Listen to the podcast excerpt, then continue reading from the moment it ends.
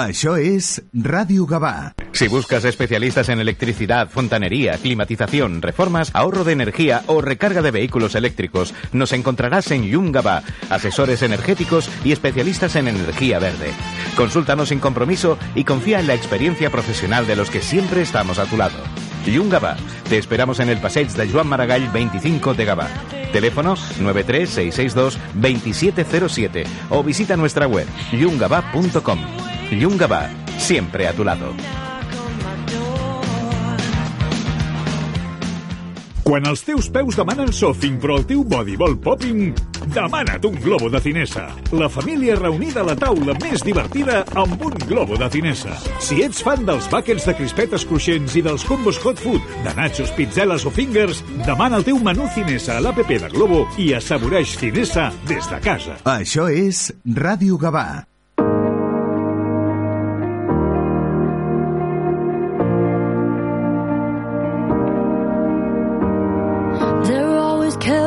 And they'll turn up the charm. Their words do something magic, saying oh, no is really hard. They're over generous, you'll never pay the bills. They'll fall in love in seconds, die for you, or probably kill. And after six months, you'll feel really stupid. I promise that it's not your fault you fell for it heart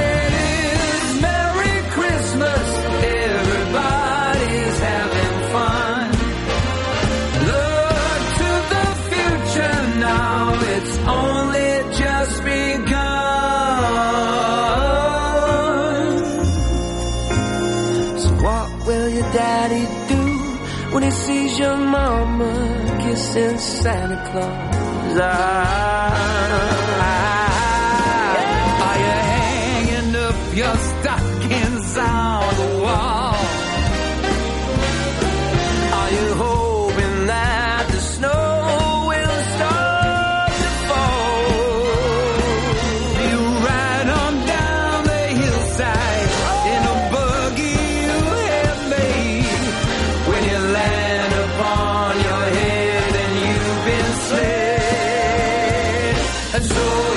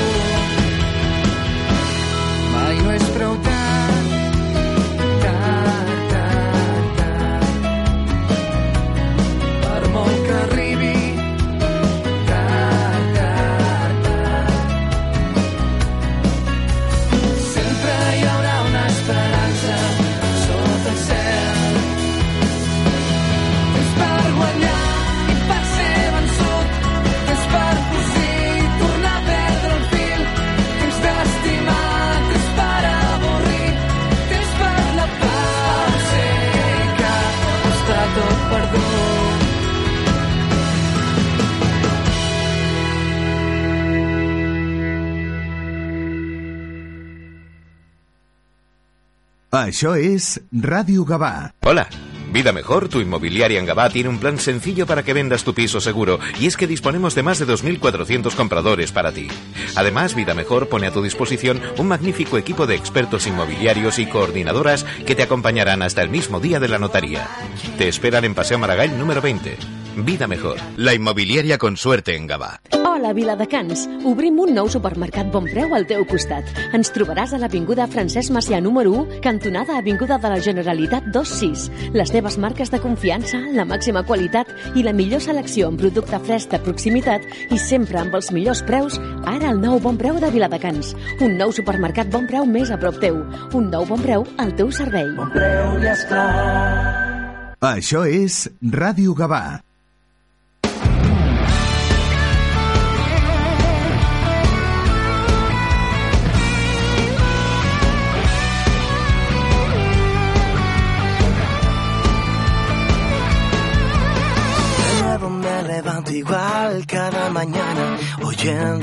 Canción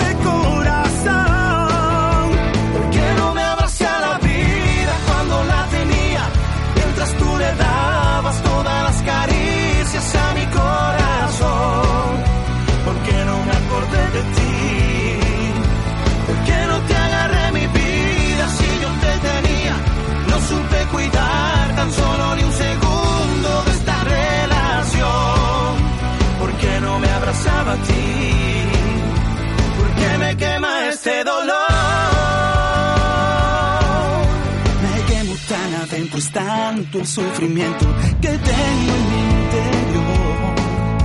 No sé cómo borrarlo, encontrar la solución. Tú rompes mi silencio solo con tu aliento perfumas la ilusión. Regresa aquí a mi lado, dame un sorbo de pasión.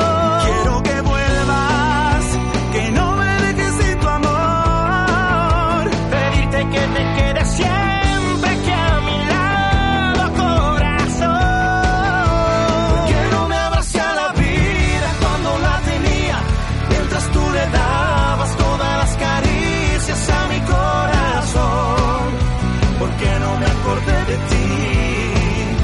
¿Por qué no te agarré mi vida si yo te tenía? No supe cuidar tan solo ni un segundo de esta relación. ¿Por qué no me abrazaba a ti?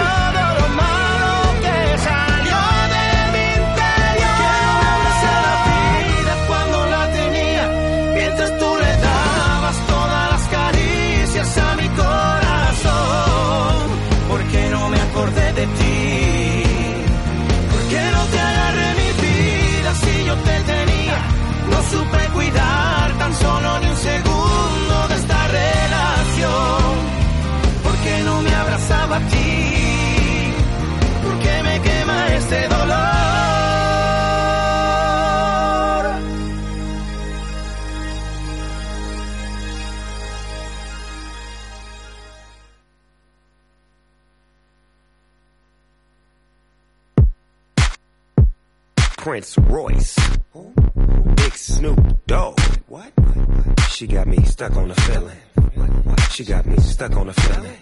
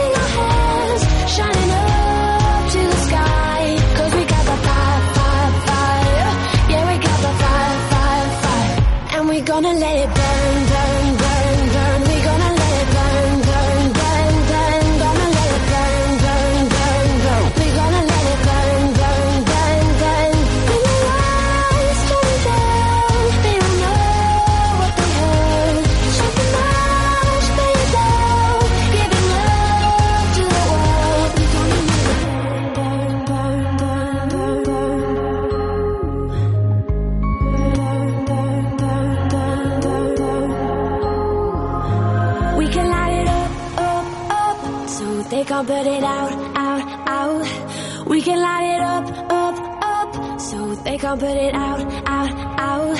We can light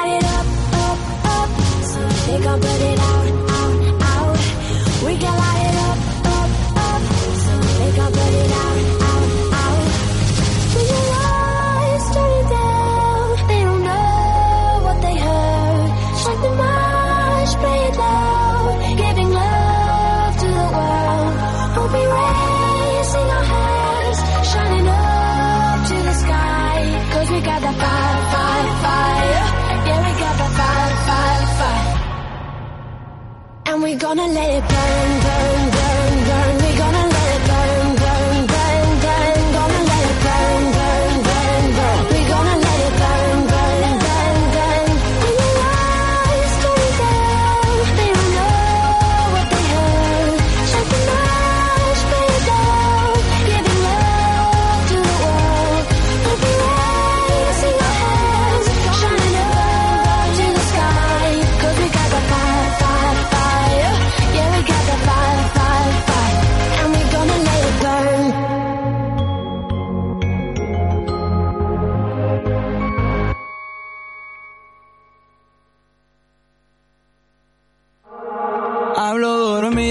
pienso todavía.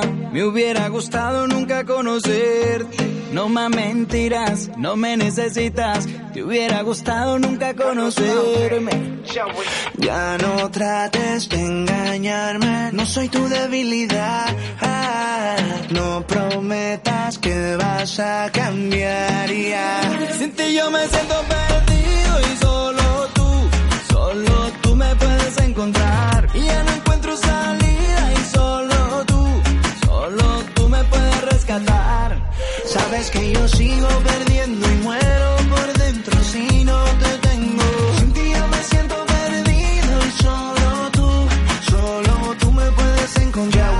El amor es 50-50, 50 y 50.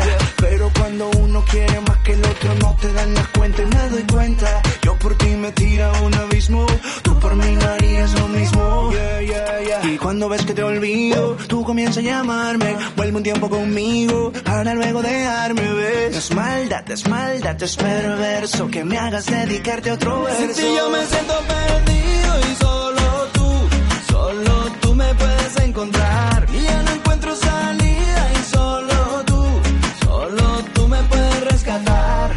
Sabes que yo sigo perdiendo y muero por dentro si no te tengo.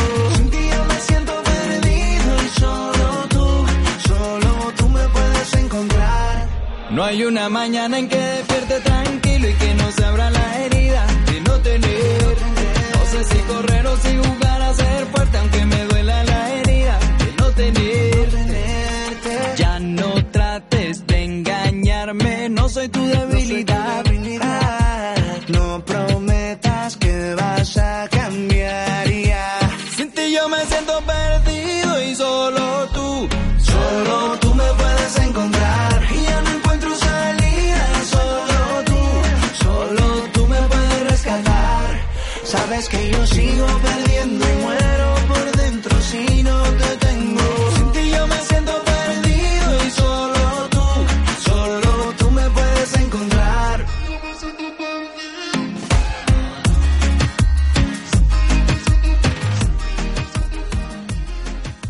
Això és Ràdio Gavà.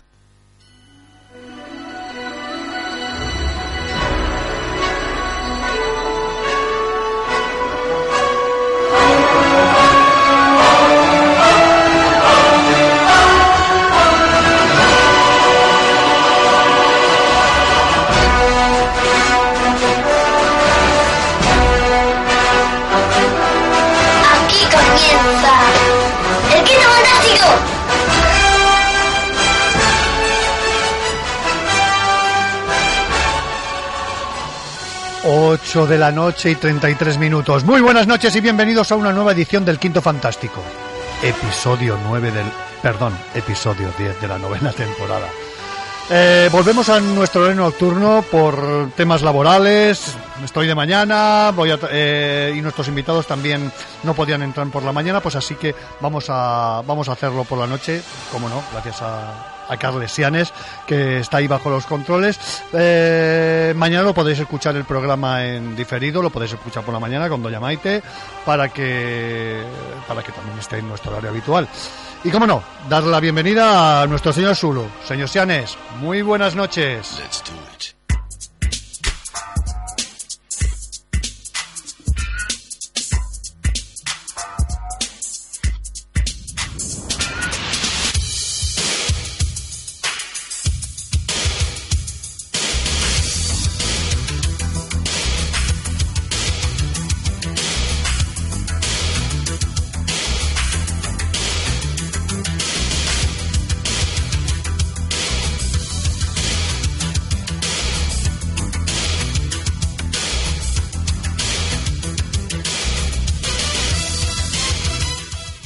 Hoy tenemos un programa bastante variopinto. eh, dos temas bastante diferentes, dos libros que nos entusiasman, cultura pop, cultura musical, de las que no nos vamos a, nos vamos a dar eco, por supuesto. Eh, en primer lugar tendrá su bautismo de fuego Anabel Vélez y Marina, alias Moixonada, autoras del libro Roqueras de la A a la Z. Muy comiqueras las dos. Yo no me lo perdería, eh, porque creo que nos van a dar mucho juego. Para después entrar con nuestro gran, con nuestro amigo, con nuestro, con nuestro compañero de aventuras. Eh, dijo que volvería con una segunda parte de los temas de viajes en el tiempo. Esta vez va a ser aventuras en el tiempo. Y cómo no, lo prometido es deuda. Aquí está, Don Pastor nos traerá aventuras en el tiempo. Ya se sabe que con Doc la aventura y el entretenimiento está garantizada. ¿Queréis acompañarnos? Pues tomar asiento, tomar un buen café, una infusión. Si estáis haciendo la cena, poner a todos los críos ahí en posición para, para que nos puedan escuchar. Y como no, sin más, velocidad de curvatura, señor Sianes.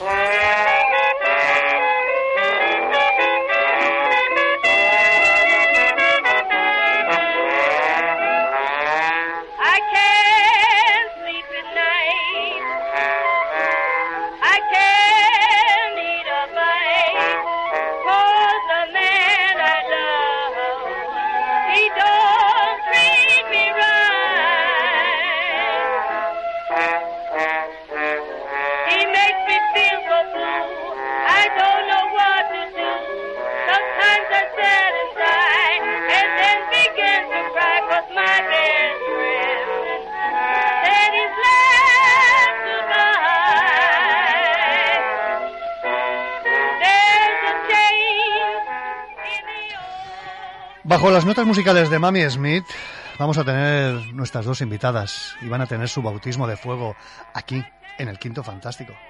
La primera, Anabel Vélez. La música, el cine, los libros son sus tres grandes pasiones. Así que después de haber seguido sus pasos como, como periodista, hace este camino. Eh, desde hace más de 10 años escribe sobre la cultura, disfruta con ella y haciendo sobre todo todos estos libros. Es inquieta, eh, colabora en revistas, eh, colabora también en programas musicales de radio. ¿Qué más se puede pedir de Anabel entonces? Anabel, muy buenas noches y bienvenida al Quinto Fantástico de Radio Gabá.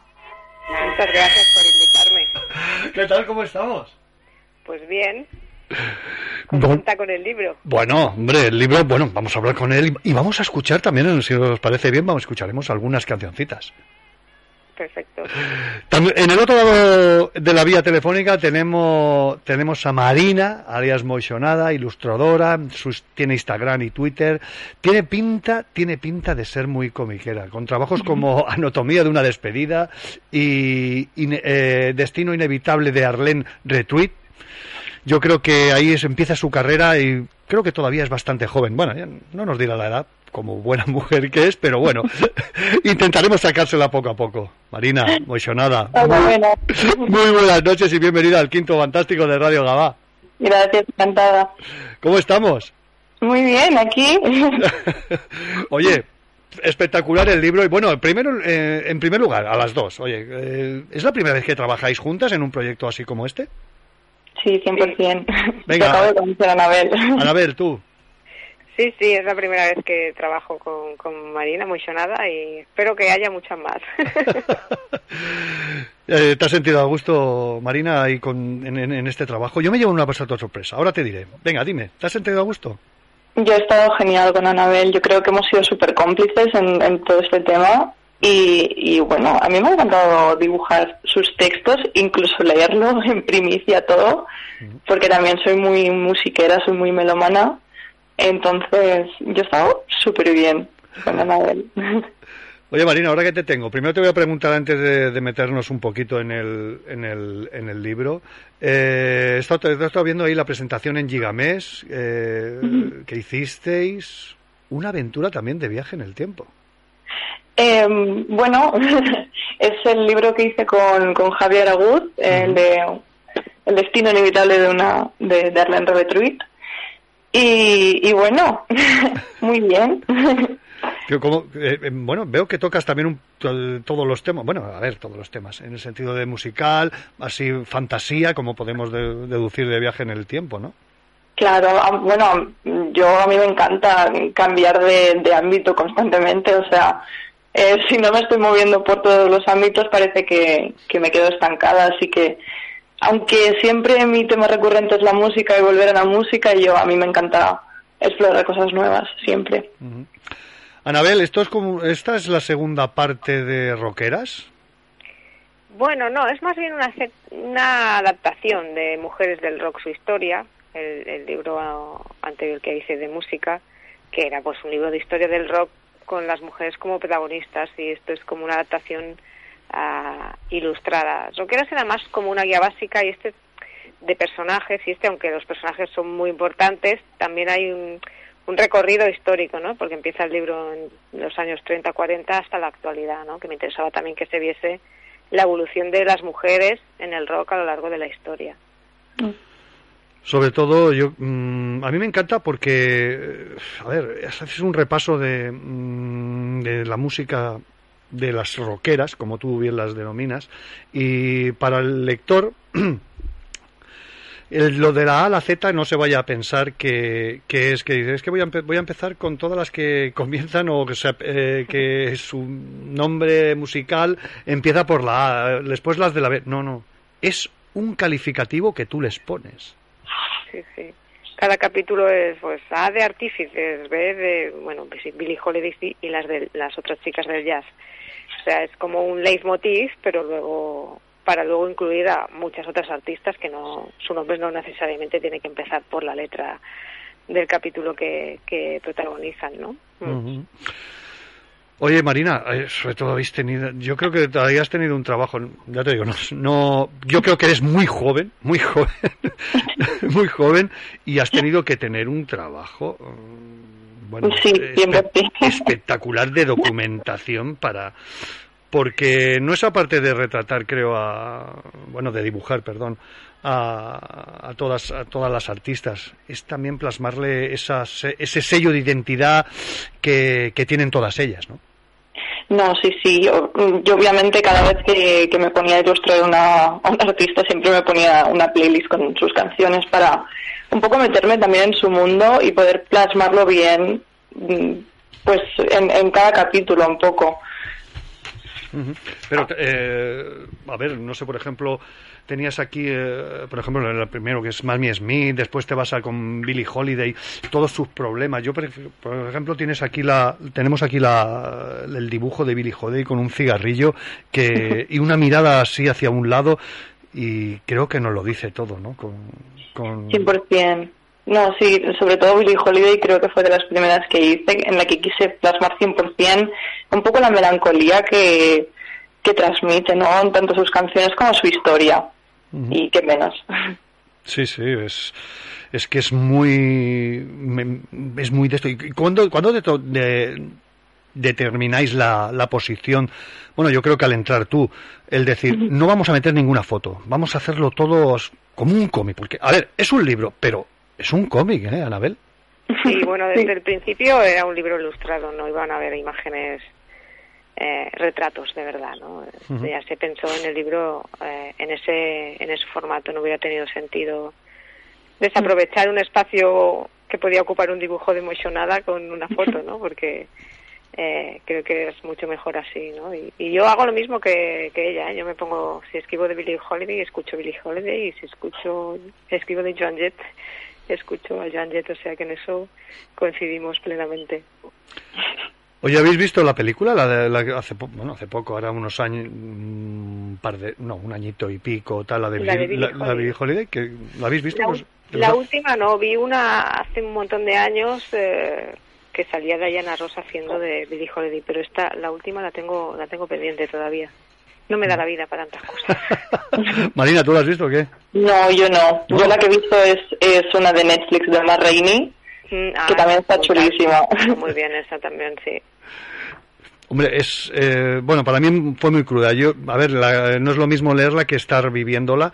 Y yo, por ejemplo, con estas cositas que pones, eh, toda esta información para el lector y lectora, por supuesto, que pones de, de sí, pones el, por ejemplo, de, de Billie Holiday, pero también pones al lado mm, otras artistas, eso me encanta, de que, de que, de que podamos, no, no, te, no te enfocas solamente en lo que sería, en este caso Billie Holiday, sino que después pues te, vienes a la Fitzgerald, en fin, que tocas todo, to- bastantes, bastantes artistas de la época, vaya. Sí, claro, quería incluir una, destacar una por encima de todas y, y luego también mostrar que no, no es que es, no es una cosa de una, de una mujer en cada época, ¿no? Sino que había muchísimas más que estaban allí, pues, en los inicios creando el rock, que fueron las primeras mujeres del blues y del jazz, y luego rockeras, ¿no? Que, que, que mucha gente dice, no, no hay tantas, no sé si que hay. De hecho, un libro con 400 páginas, o sea que hay muchísimas, y mira, y tuve que quitar algunas porque no me cabían, o sea que... Oye, vamos a escuchar, vamos a escuchar un temita que me lleva una sorpresa porque yo creía que era original de Elvis y yo creo que para muchos de nuestros oyentes no se van a llevar también la sorpresa.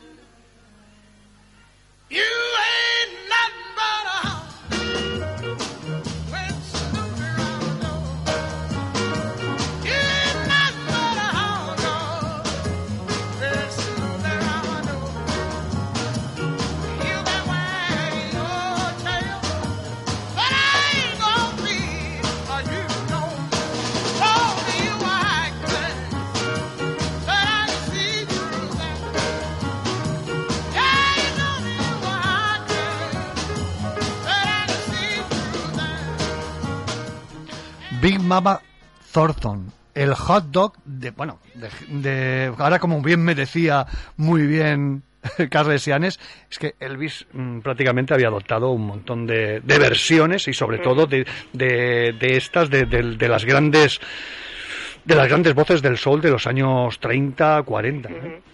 Sí, sí, sí. Tuvo muchísimo éxito Big Mama Thornton con Hound Dog, eh, hasta que llegó Elvis, evidentemente, pero es una canción que ella la popularizó, que la escribieron eh, especialmente para ella y además que tenía una voz impresionante y una personalidad también apabullante, ¿no? Hasta que, bueno, desgraciadamente, o sea, afortunadamente para Elvis, pero desgraciadamente para Big Mama Thornton, pues el triunfo de Elvis la, la borró, la borró de prácticamente de la historia. Después de eso, la pobre eh, la echaron de la discográfica, luego recuperó un poco con Balanchine, que es otra canción suya que, que había que había compuesto, que la recuperó Janis Joplin más tarde. Eh, Marina, eh, mm, describir esta época, sobre todo en, lo- en los rasgos de ellas, las vestimentas, eh, ¿te ha sido difícil? ¿Te has tenido que documentar muchísimo? No, yo, yo la verdad es que soy bastante familiar con todas estas épocas porque son épocas que a mí me atraen muchísimo. Pero supongo que mm, yo nunca considero que me es difícil documentarme porque es mi trabajo y me gusta mucho hacerlo, entonces mm, no me ha sido difícil, me ha sido ni siquiera un reto, ha sido un placer hacerlo, por así decirlo. Eh, sobre todo, eh, a ver, estas, esta época es muy, es muy dura, sobre todo para todas las mujeres que, que empezaban a, a cantar. Eh, yo creo que tenías, bueno, yo creo, Dios me libre. Eh, me, refiero que, que tenías que darle, tienes que darle un sentimiento, sobre todo a ellas, y creo que se lo has dado perfectamente con el dibujo, eh, esas sonrisas, esas caras. Eh, creo que, vamos, es que se, se, se entiende perfectamente todo lo que vivían, sobre todo el que venían del gospel, ¿no? Por ejemplo, fíjate, tengo aquí el dibujo de Sister Rosetta Thor, ¿no? Y bueno, es, es espectacular, ella con un traje rojo, con los brazos en, en- en- en abiertos, bueno, maravilloso. Sí. Gracias. Pero tengo eh, esta, es- esta faceta, ¿no? Y sobre todo que vienen del gospel, ¿te, ha- te ha, te ha costado mucho asimilarla de cara a, a plasmarla en el libro? No, no mucho, porque yo creo que es, es eso, que soy muy familiar con ello y, y no creo que me haya sido difícil para mí.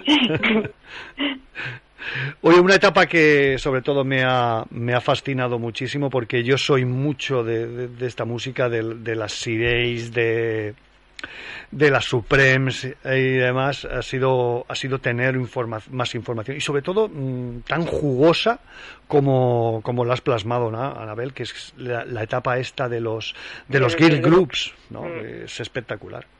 Sí, sí, fue un, momento único en la historia de, de la música rock, en la que las mujeres dominaban las listas eh, por completo y además saltaron, eran grupos de chicas negras, saltaron de las listas de rhythm and blues de música negra a las listas blancas, que era la primera vez que, que músicos de color conseguían eso, ¿no? Eh, fue realmente brutal. Había mujeres detrás también componiendo para ellas, como Carol King, como Ellie Greenwich.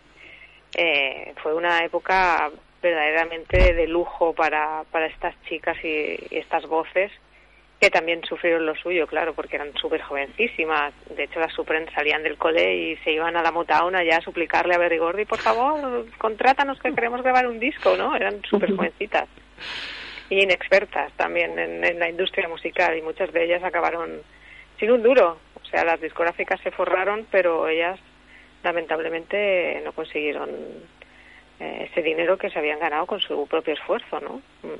Sí, los porcentajes que precisamente hablamos de muchos porcentajes que las, las, las compañías ganaban unas cantidades increíbles de dinero y ya se no recuerdo ahora una te hablo de memoria me parece no sé si era Billie Holiday 25 Sí, dólares había recibido 25 dólares por, por una grabación, que le- lo mismo le pasaba a Marraine, ¿no? Que cobraba un tanto fijo por una grabación y luego la discográfica vendía ese disco como churros y se forraba, ¿no? Ujú. Vamos a escuchar un momentito a las Sireis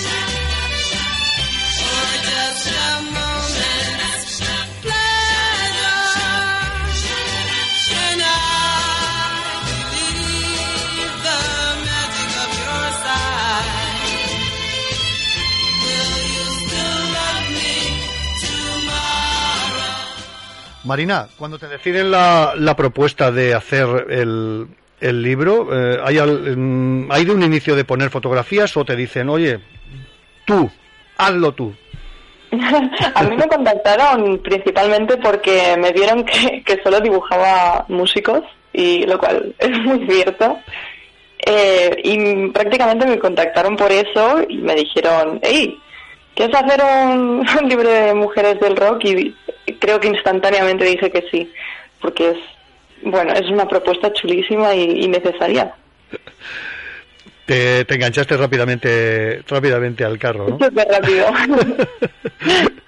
Yo hay una hay una cosa sobre todo de, de, de esta etapa que me fascina tanto y hay un personaje Eh, Anabel no lo puede, yo creo que igual no lo puede decir. Un poquito, un poquito oscuro. Phil Spector. Que- Uy, Va de retro Satanás. va de retro Satanás, madre mía. De verdad que vaya vaya personaje, vaya personaje. Precisamente hace po- hace un- unos meses hicimos con otra compañera de, de Radio Gaba hicimos un programa de las Ladies Night, ¿no? De los grupos estos así de esto y bueno, vaya y dadas información, vaya personaje, Phil Spector. Tenías que haber hecho un capítulo especial para él directamente. Prefiero mejor hablar darle de- atención a esa prefiero gente. hablar de ella, sí. Sí, sí, era un hombre bastante, bueno, que podía ser un genio todo lo que tú quisieras, pero que trataba a las mujeres fatal. A su mujer la tuvo secuestrada prácticamente durante años, encerrada en casa. Se quedaba con los derechos de las canciones, les prometía, voy a poner tu nombre en el disco, y luego nunca los ponía, solo ponía el suyo.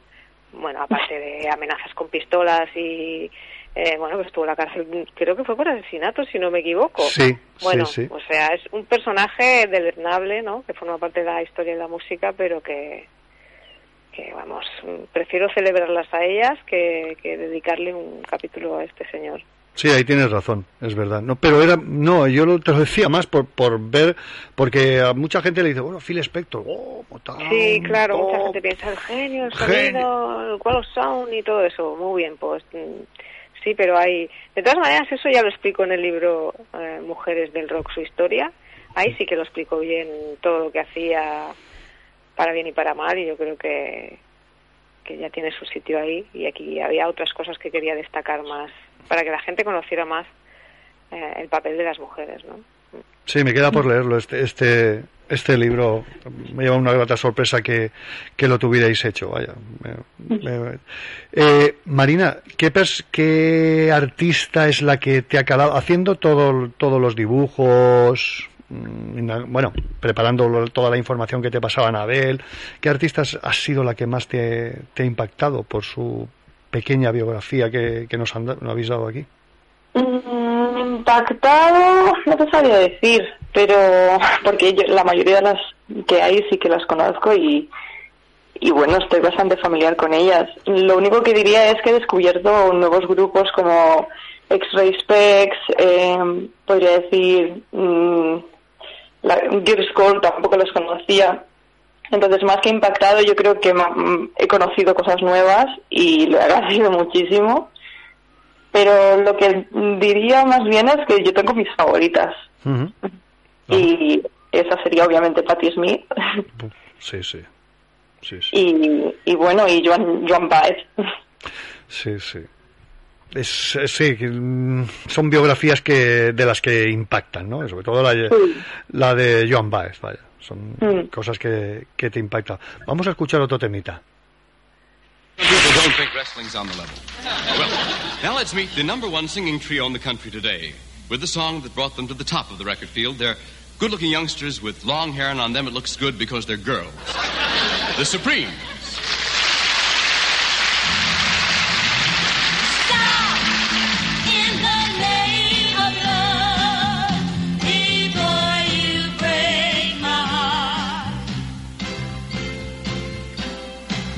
You stop?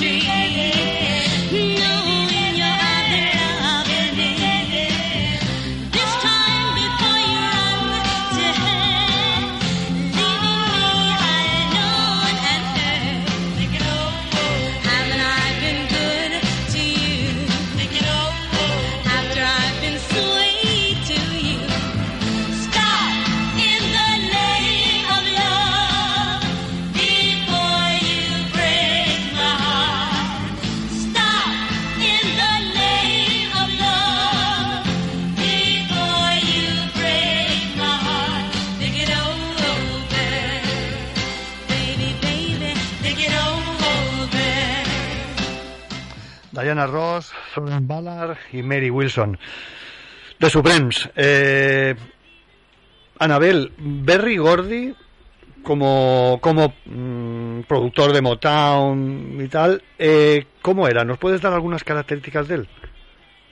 Bueno, aparte de que era un hombre muy ambicioso eh, y que se montó el negocio ideal porque lo controlaba todo, desde la producción de los discos, la distribución, a esa academia que tenía donde formaba a las chicas y los chicos de sus grupos que les enseñaban a bailar, a comportarse, a vestirse.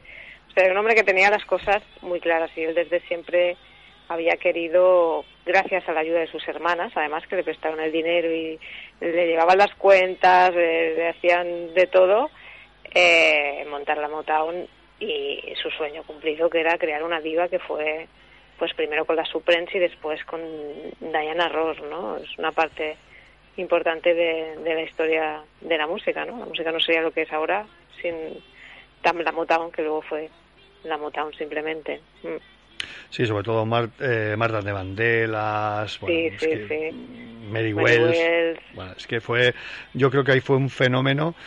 Eh, había muchísimo talento, desde compositores, los productores, la- las, las que cantaban, que a veces también componían sus propios temas, eh, los músicos que interpretaban, o sea, ahí se- hubo una conjunción de estrellas eh, que creó un sonido perfecto, ¿no? Era el sonido perfecto que además conectó con el público inmediatamente, ¿no? Mm. Yo creo que mm, son grandes, mm, bueno, olvidadas no, pero, pero parece que están ahí. eh, por ejemplo, yo soy muy, muy de los Herwin and Fire. Hay un, hay un grupo, bueno, un grupo que, que, que participaba con ellos, sobre todo en las giras, eh, que son las Emotion. y que y que siempre estaban ahí un poco a la a la sombra no parece que todos estos grupos estaban bastante a la sombra de lo que es el, el- el gran- los grandes Phil Spector Berry, Gordy no Bueno, en el caso de los Herwin and Fire no pero pero yo Claro, creo Piensa que al final los, los capitostes eran siempre hombres, ¿no? Los grandes dueños de las discográficas, los dueños de las radios, los, los que dirigían los medios de comunicación. Entonces al final primaba mucho más la música de los hombres que de las mujeres, exceptuando honrosas excepciones, ¿no? Porque el éxito era tan brutal que no había manera de, de ocultarlo, ¿no? Pero sí que hubo muchísimos grupos femeninos que no tuvieron la misma suerte que los masculinos simplemente por el hecho de ser chicas.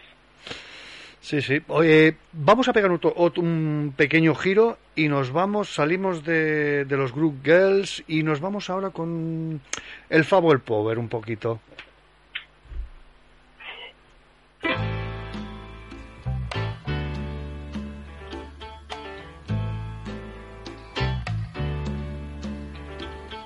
Stayed in bed There's something wrong here, there can be no denying. One of us is changing,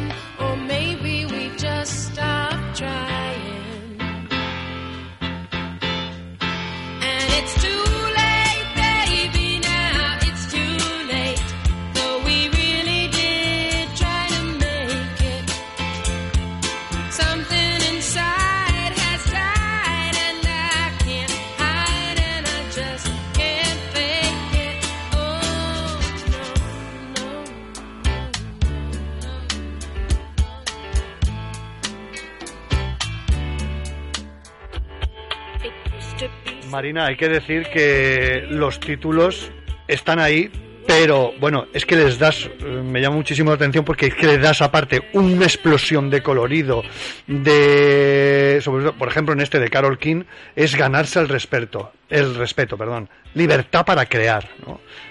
No es un título.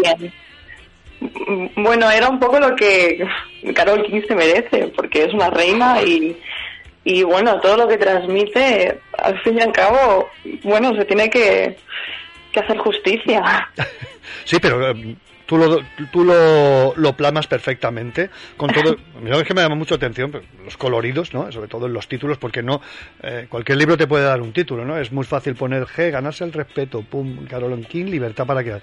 Pero es que tú lo haces a media página y le das ese flores, ese, color rojo, ese, ese azul en la libertad para crear, ella sonriendo. Bueno, para mí es la una de las grandes damas, ¿no? Carol King.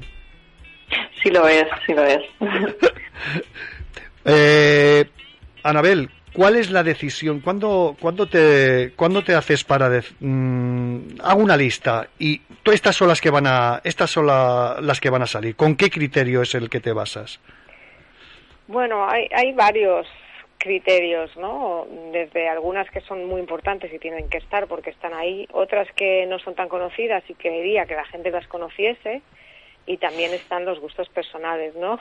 Yo, por ejemplo, coincido muchísimo con Marina porque para mí Patti Smith es una diosa y yo siempre que hago un libro de música de rock eh, de mujeres, Patti Smith tiene que estar sí o sí, además que está por derecho propio, ¿no? Pero luego grupos como Israel Speck, que es del, del mundo del punk, eh, pues me encanta y no es tan conocido y yo siempre que puedo pues eh, reivindico a Polystyrene y a Laura Logic y a toda la banda, ¿no? O, o Yoko Ono, que mucha gente que le tiene mucha tirria, ¿no? Pero es que es súper importante la historia de la música y del arte en general, ¿no? Entonces, es una mezcla entre gente que, que tiene que estar porque son súper conocidas, otras que no son tan conocidas y que tienen también que ser reconocidas, ¿no? Porque estuvieron allí y tuvieron un papel importante. Algunas incluso que fueron muy conocidas como Sister Rosetta Tharpe, pero que estuvieron olvidadas durante muchos años hasta que luego las han recuperado. Y luego, pues eso, gustos personales eh, totalmente, ¿no? Grupos que, que me encantan y que creo que merece la pena que la gente conozca, como Le Bucheret o otras artistas, ¿no? Que digo, pues las quiero poner porque creo que, que merece la pena que la gente las escuche. Que al final es para que está bien vender libros, que para eso también es un trabajo y, y te gusta que se reconozca, pero yo creo que mi, mi mayor ambición es que la gente, por eso me hace ilusión cuando Marina dice que ha descubierto algún grupo gracias a, a las cosas que he escrito, ¿no? Que, que la gente escuche la música de estas artistas. Yo con eso ya soy feliz. Sí, y sobre todo eso, mm, las que han dado ese, esos primeros pasos hasta claro, llegar la puerta, ¿no? Exacto. A, todas las demás. hasta llegar pues, a lo que soy hoy, hoy en día de Lucinda Williams bueno todas las todas las que todas las que todas las que están y una pre- oye una pregunta que, que os mm, a ver esto es esto vamos comidilla de siempre Yoko Ono tuvo que ver mucho en, en la separación de los Beatles No, para nada. No, no, ahí hay... No sé si has visto el documental de Peter Jackson, que está muy bien. es lo que dime dime Eh, perdona ahí creo que se ve muy bien que, bueno, que los Beatles, como todas las bandas, ¿no? O, bueno, o como todos los matrimonios, por decirlo de una manera un poco así, que hay momentos en los que te llevas súper bien y luego otros en los que te llevas fatal y acabas en divorcio, ¿no? Pues esto es lo mismo, estaban ya cansados los unos de los otros, aparte cada uno tenía su ego que era bastante grande, eh, y chocaban y al final pues se separaron porque tenían que separarse. Yo creo que ni, ni Yoko Ono ni Linda McCartney, que también le echaron un par de Sí, culpa, aunque no tanta como Yoko Ono, tuvieron nada que ver con que los Beatles se separaran. Sí, estaba más claro que el agua que ya estaban al borde de la ruptura, ¿no? Marina tú qué ibas a decir Bueno, más que nada es mucho más fácil para, sobre todo en esa época, el echarle la culpa a una mujer. Exacto. Y, y bueno, es lo que dice perfectamente Anabel en el libro, que es básicamente sus egos masculinos. y es, un resumen de, de, por qué. Pero no creo que sea ella la causante, obviamente, por- porque, bueno, tampoco sabemos qué lo causó al fin y al cabo, porque eso es cosa de los Beatles y de los Beatles se llevará a la tumba. Pero, bueno, es eso, que no me parece justo que sea tan fácil echarle la culpa a una mujer.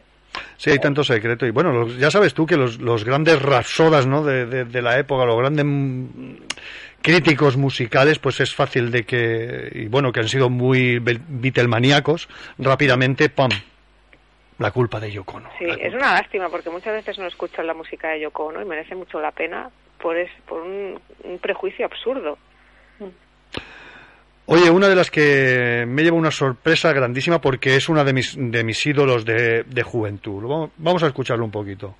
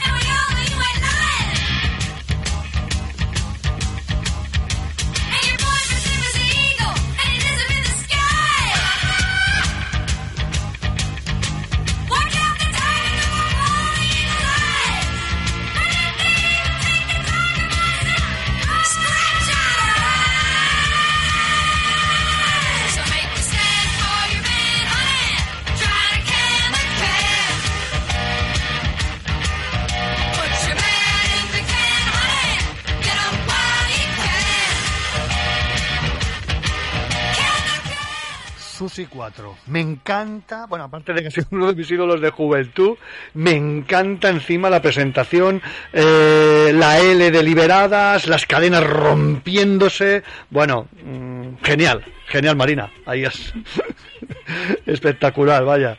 Te- Muchas gracias. sí, sí. has eh, ¿Conocías un poco la figura de Susi 4?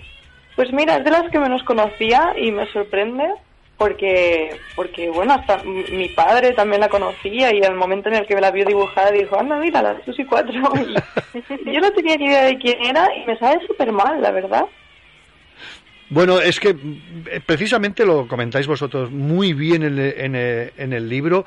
Estas, eh, estas chicas venían como eh, acompañantes de los grandes ídolos rockeros, ¿no? Parecía que venían allí como, como segun- segundonas, como teloneras, bueno, ni teloneras siquiera, ¿no? Como eh, servicios de compañía allí, bueno, ellas salían y cantaban, pero yo creo que Susi 4 es la que pega un golpetazo en la mesa y dice, aquí estoy yo, y sé cantar rock y le meto tanta fuerza y tantas ganas en el escenario como podéis meterle vosotros, ¿no?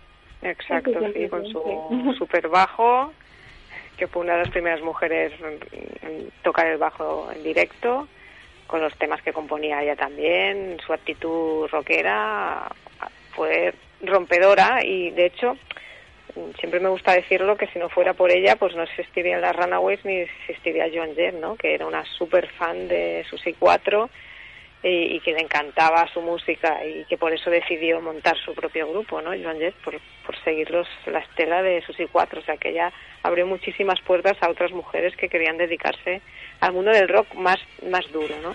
Mm. Es que es espectacular, eh, sobre todo lo de los de Runaways, ¿no? Es, es, es, vamos, es una cantidad de fuerza tremenda. Eh, es, es una pasada, yo recomiendo al lector que, que, que lo, que, le- que lo compre porque es, es una auténtica gozada y sobre todo si te puedes, yo me he hecho un, me he hecho una pequeña playlist, me he puesto allí mi pen y mientras los iba leyendo para preparar la entrevista me iba cayendo la, la musiquita de, de todos los, un poco de todos los temas que yo espero hacer, voy a hacer un especial un día, me pondré y voy a poner un montón de temas de, que ponéis en el libro porque merece la pena, ¿eh? es un, es espectacular. Muchas gracias. Y eso, que, que, que se escuche, que se escuche la música de, de, de estas mujeres, que es lo que es lo importante. Oye, eh, no sé si pone Red Bull, porque están en el Salón de Barcelona o no. En el Salón del Cómic, Sí. yo creo que no. Ah, vale, vale. No, no era En por, principio, era por, por veros un poquito, saludaros. Eh, San vosotros- Jordi seguro que, Ah, pues ahí que estaremos. estaremos. Ah, pues ahí estaremos. Vai- eh, como comiquera, como sé que comiqueras que sois, vais a estar, eh, por, eh, vais a dar una vueltecita por el Salón del Cómic o no? Pues no Yo creo no- que pueda. Yo suelo ir a veces, eh, pero este año me parece que no puedo. Tengo tengo la agenda muy apretada, pero suelo suelo ir siempre, sí. Marina, Estoy igual, o sea, yo iba mucho con mi escuela a- hace unos años y bueno, estos años ya me es más complicado. perdona, tú has estado en Joso, ¿no? Claro. Ostras, por favor, no- que tienen su stand allí montado, no puede faltar. Siempre fieles. Ay, perdona que no te he escuchado. Siempre fieles la Va, foto. Sí, sí, bueno, es, es un placer verlo. Ve- veros allí, dibujar, es, es eh, y lo aparte de que lo montan muy bien, que lo tienen, a- lo tienen allí, eh, os tienen allí a todos, sobre todo a la gente joven que empieza, os tienen allí puestos allí dibujando, es, es, es una preciosidad verlo, vaya, desde luego. De hecho es así como conocí a, a Redbook. Eh, me vieron en un salón del cómic y, y vieron que hacía como, bueno, vieron mis, mis prints y todo y, y dijeron, ostras, dibujas, dibujas esto. Oh. Y les dije que sí y así es como, como es posible este, este proyecto. Oye, mm, bueno, os he empezado la entrevista diciendo que si tenéis, tenéis algo ya entre las dos, algún proyecto que si se puede decir, si no, pues nada. Mm, Por desgracia no. ¿No? Bueno. No. Y a, y a- a nivel, a título individual. Esperemos que, que en el futuro podamos Mm. trabajar juntas de nuevo, porque a mí me ha encantado también trabajar con ella. Sí, sí. Y a nivel individual tenéis algo ahí en el, ca- en el cajón de la mesita de noche que dices esto lo voy a tener aquí. eh, todo- si se puede decir, si no se puede decir, vos decidme. Yo tengo muchísimos. La pandemia ha dado mucho, ¿no? Afortunadamente. Uh, madre mía, se han ido acumulando y ahora ya no sé. Ahora han explotado, ¿no? Oye, pues eso es, eso es genial, que, Claro. que tengáis ahí proyectos nuevos y que, y que todo, toda idea, sobre todo de vosotros, que so- de vosotras, que sois jóvenes y que podéis, vamos, dar una catarata de, de, de libros en forma de cómic como este, que, que la gente, que lo pueden disfrutar toda la gente de, la- de todas las edades. Yo lo he disfrutado, vamos, y sobre todo, a lo mejor pues no, no conozco a los, a, a- a las roqueras del final, pero, pero me he llevado una grata impresión. Marina, Anabel, es, ha sido una auténtica hemorragia de satisfacción haberos tenido aquí en el Quinto Fantástico con esta historia, con esta aventura de roqueras de la A a la Z y espero teneros con, con nuevos proyectos. Vaya. Encantada. Muchas gracias. Igualmente, muchas gracias por invitarnos. Anabel, Marina, un, un abrazo muy grande. Un abrazo. Igualmente, un abrazo.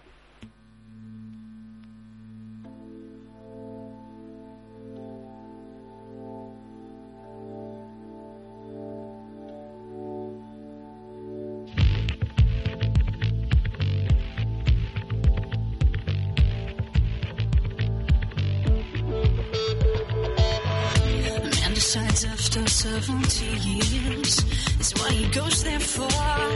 Is to unlock the door. While those around him criticize and sleep.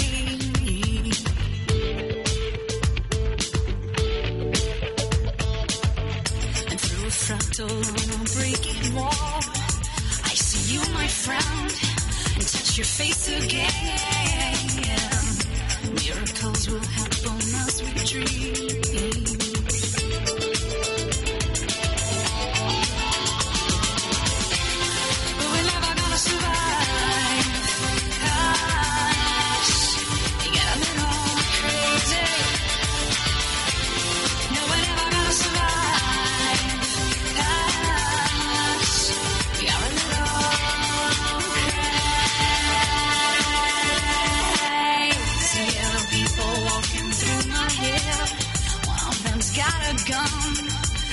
The other one. Yet together they were friends at school.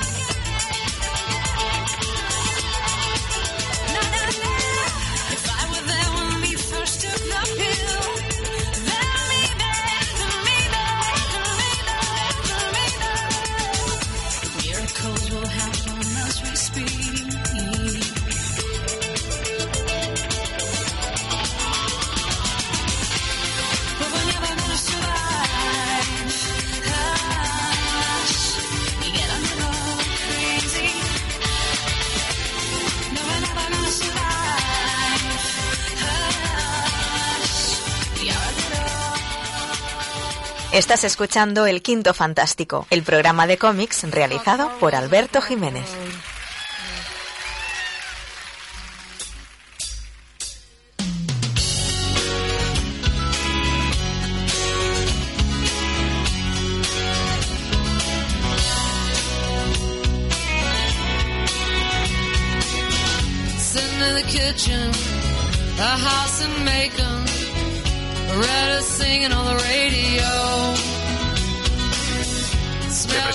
A Confusión. Mola el nombre.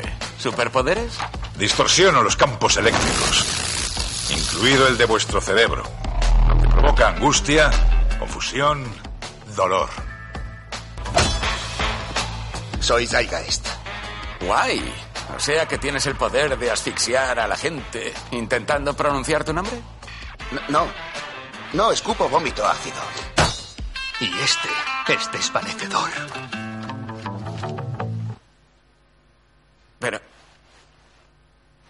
¡Desvanecedor! ¡Mola! ¿A que sí? No ha llegado, ¿eh? Llegará tarde. Siempre segundas partes fueron buenas, a pesar de todo lo que dice él por ahí. Y como él nos dijo, y es hombre de palabra, segunda parte de viajes en el tiempo, pero esta vez como aventuras en el tiempo. Amigo, compañero, periodista y escritor. No se puede pedir más. Doc Pastor, buenas noches y bienvenido a tu casa, el Quinto Fantástico. Hola Alberto, ya sabes que yo siempre encantado de hablar contigo. ¿Cómo estamos? Muy bien, cansado que ha sido un día largo, pero pero bien. Hoy te he pillado, ya te he pillado temprano, te he pillado así, ya te he pillado el, el, em, ¿cómo sería? La, la jor- el descanso del guerrero, ¿no? Después ya de... Descanso del guerrero. El guerrero no descansa, pero pero reposa, pero reposa. Oye, comienzo con... Fíjate, parece que fue ayer cuando estuviste en el programa que hicimos de homenaje a Carlos Pacheco y me encuentro, cuando empiezo a leer tu libro, Aventuras en el Tiempo, me encuentro dedicado a la memoria de Carlos Pacheco. Es bien, bien agradecido, bien, a ver si lo digo bien, bien, es bien ser, eh, bien nacido ser agradecido. Y tú haces mención y dedicatoria. Hombre, es que el fallecimiento de Carlos fue un golpe para todos, tanto los que lo conocimos como los que solo conocieron su obra. Y, y joder, es que es el, el dibujante detrás de siempre Vengadores. Sí o sí, me parece que es que tenía que, que citarlo en el libro, aparte de la obra a él. Oye, vuelves a... eh, ¿Te quedaron muchísimas cosas en el tintero con el Viajes en el Tiempo? Que, has- que decidiste... Bueno, tú dijiste, "Bueno, tengo muchas cosas y tal, y seguro que habrá segunda parte. En el tintero nunca se queda nada, porque tú decides que pones y que no. Pero lo que sí que es verdad es que viajes en el tiempo, que a ti también te gustan, hay tanto que es imposible hacer un libro sobre ello. O sea, igual si haces algo muy enciclopédico citando solo el título y director, quizá llegues a hacer 10 volúmenes. Pero si quieres ahondar un poco en las películas, no, no, no puedes. Tienes que, en el primer libro se habló de la- las películas más relevantes que todos conocemos, de los al futuro, Terminator. Pero claro, por ahí es lo montón que se hacen cada año. Aquí menciona algunas, alguna muy clásica como Los viajeros del tiempo del 64 y, y también Lightyear, que es súper reciente. Sí. Y fíjate que, que tienes, mm, bueno, un maestro de ceremonias al principio, un- el que te hace el prólogo, ni más ni menos que Albert Montaigne, de- para hablar de viajes en el tiempo. Que eso ya te da, un- eso ya, ya dices, bueno, mm, velocidad y curvatura, como decimos aquí. A ver, yo es que aquí reconozco que soy muy fan de Universo. No sé, no sé si tú lo has leído, lo, Sí, sí, lo ha sacado Astiberri en España y es que es, es brutal. Y pensando en quién podía hacer el prólogo, pensé, digo, es que mira, si, si, no solo han leído los oyentes del Quinto Fantástico, que lo lean, pero es que la historia de viajes en el tiempo que se monta Montéis en Universo era increíble y se lo pedí, lo estuvo encantado, la verdad, ha sido un lujo contar con él. Mira, yo estuvo aquí en la biblioteca, en la biblioteca de aquí de Gabá, hicimos un programa especial con él y tal. Y oye, no, yo no lo conocía y me llevé una gratísima sorpresa de todo lo que es comiquero, sus historias en el jueves y tal. Me llevé una, una sorpresa muy, muy, muy grata, vaya. Yo lo conocí hace un montón de años cuando vivía en Valladolid. La verdad, le hice entrevista y eso. Y, y tenía el correo de, de, de hace entonces, hace un porrón de tiempo ya. Y no tenía nada claro que me fuese a decir que sí. Pero dije, bueno, voy a probar a ver. Y sí, ya te digo que estuvo encantado, el prólogo quedó muy bien. Y la verdad que tener un maestro de ceremonias que te abra la puerta tan bueno como él, pues es que es maravilloso. Nos haces un, como siempre, un, bueno, es que es un disfrute. Cuando, cuando te leo es un disfrute porque nos haces viajes al pasado, un capítulo con películas, con libros, con directores.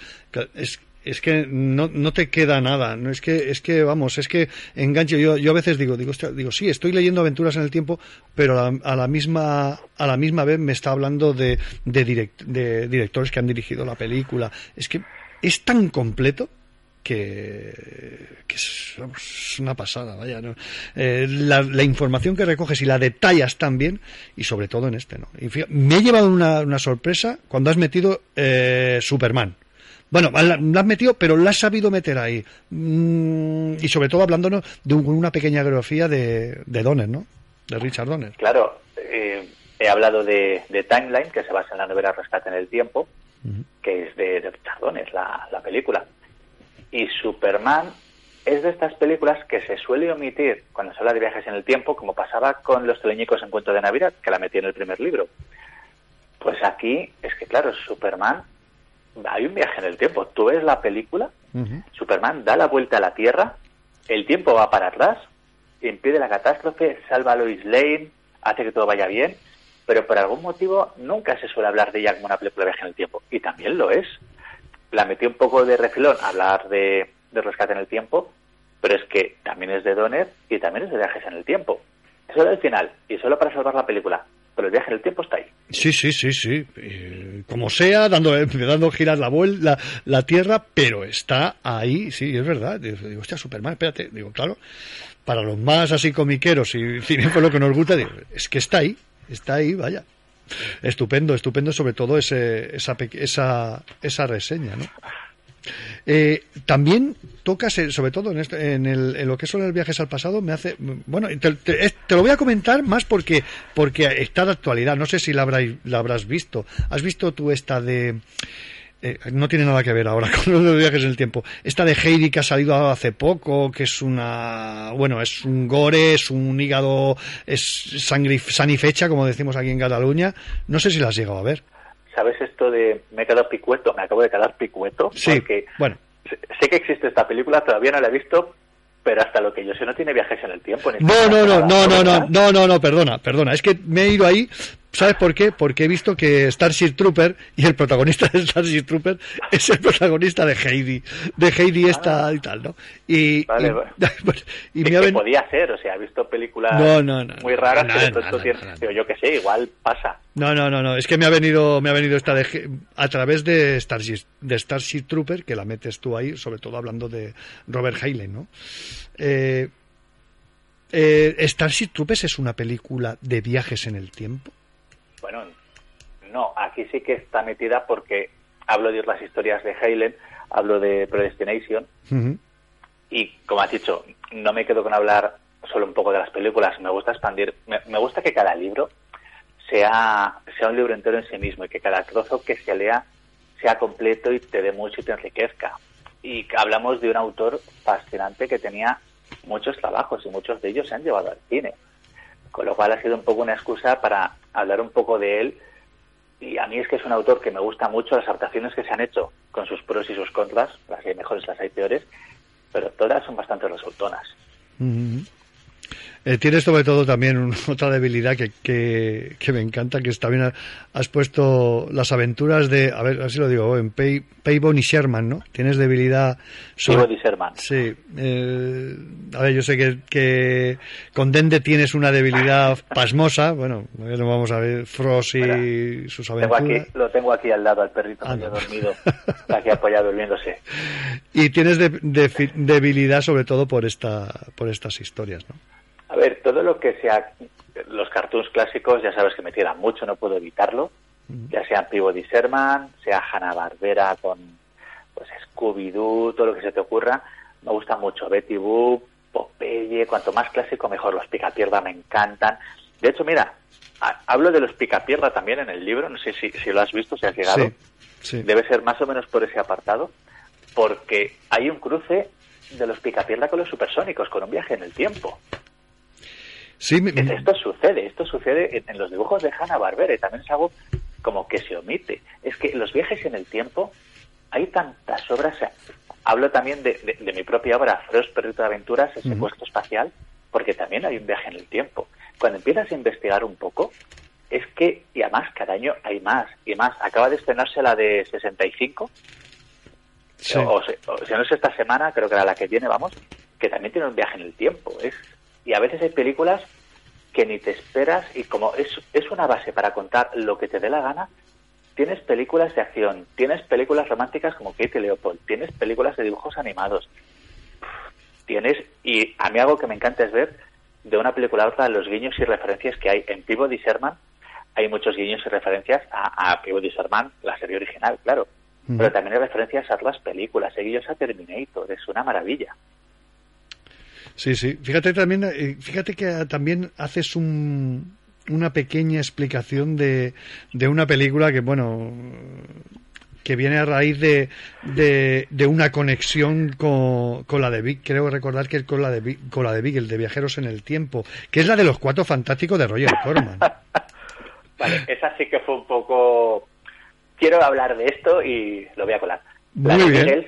El coprotagonista o protagonista, como queramos, depende de cómo quieras entender la película, es quien interpreta después a Mr. Fantástico en la peli de los Cuatro Fantásticos que produjo Roger Corman.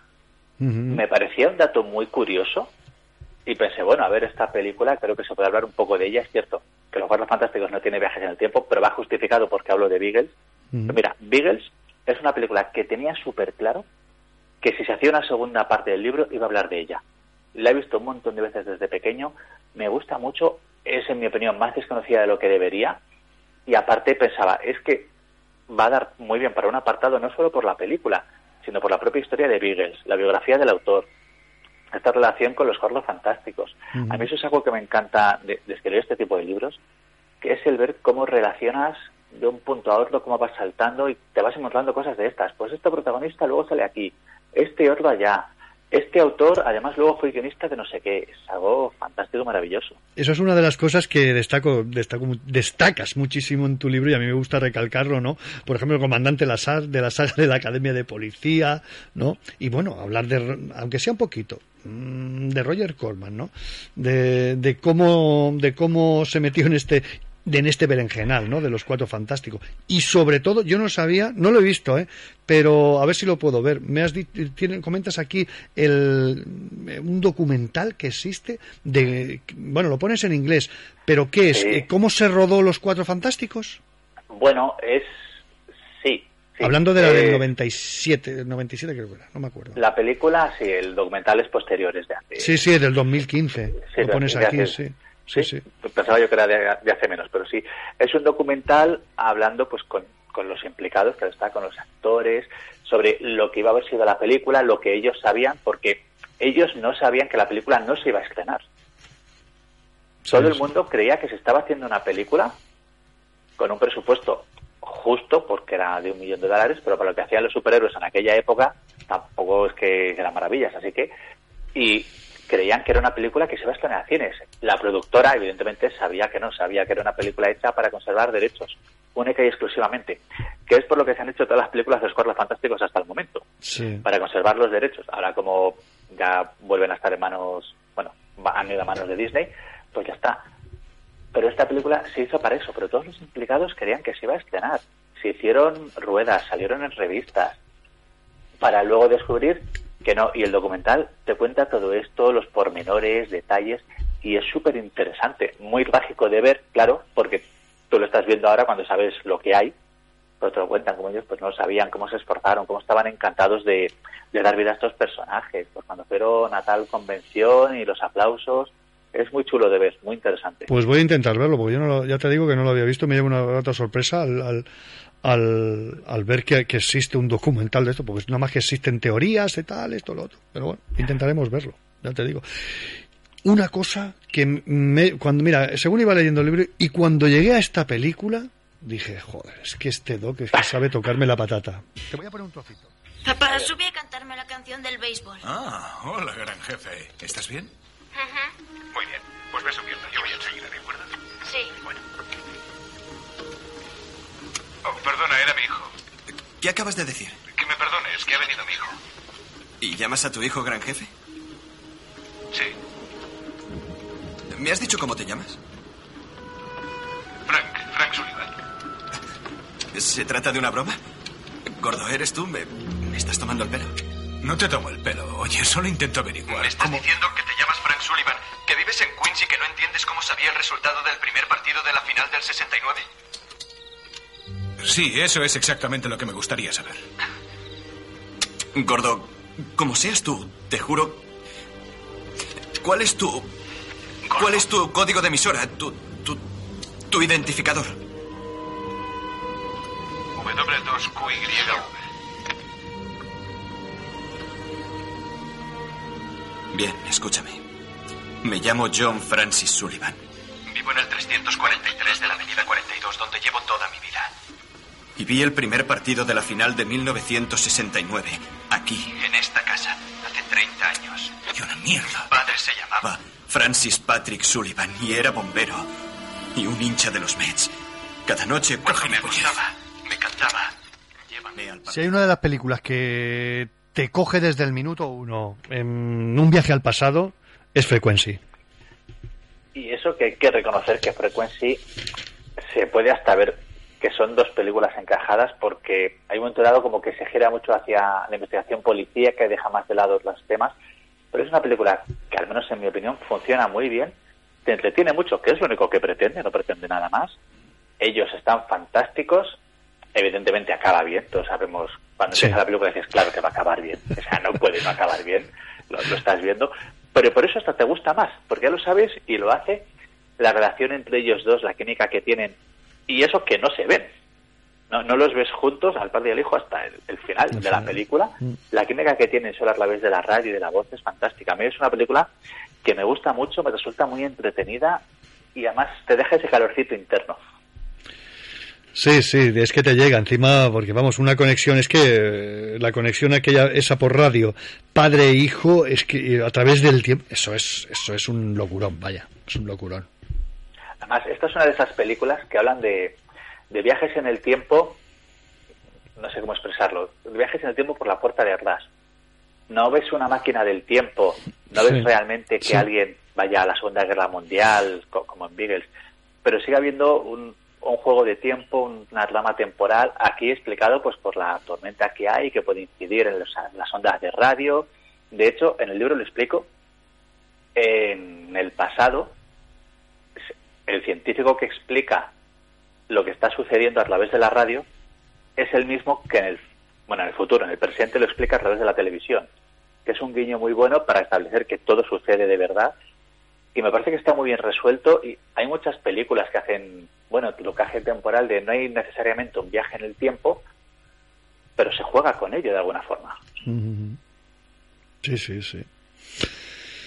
También nos trasladas con una. Yo no sabía, no, no la tengo vista esta, la de Nos vemos ayer. Mm, y sobre todo que estás ahí con. No sabía, incluso ya un Michael J. Fox bastante crecidito, ¿no? Pero es una historia que, que me la, la he leído a través de tu libro un poco y, oye, mola, ¿eh? Esta película la descubrí de casualidad, total y absolutamente. Yo de cuando en cuando voy rebuscando películas de viajes en el tiempo a ver si descubro cosas nuevas y como se hacen muchas. Y a veces te encuentras películas como esta que es una joyita.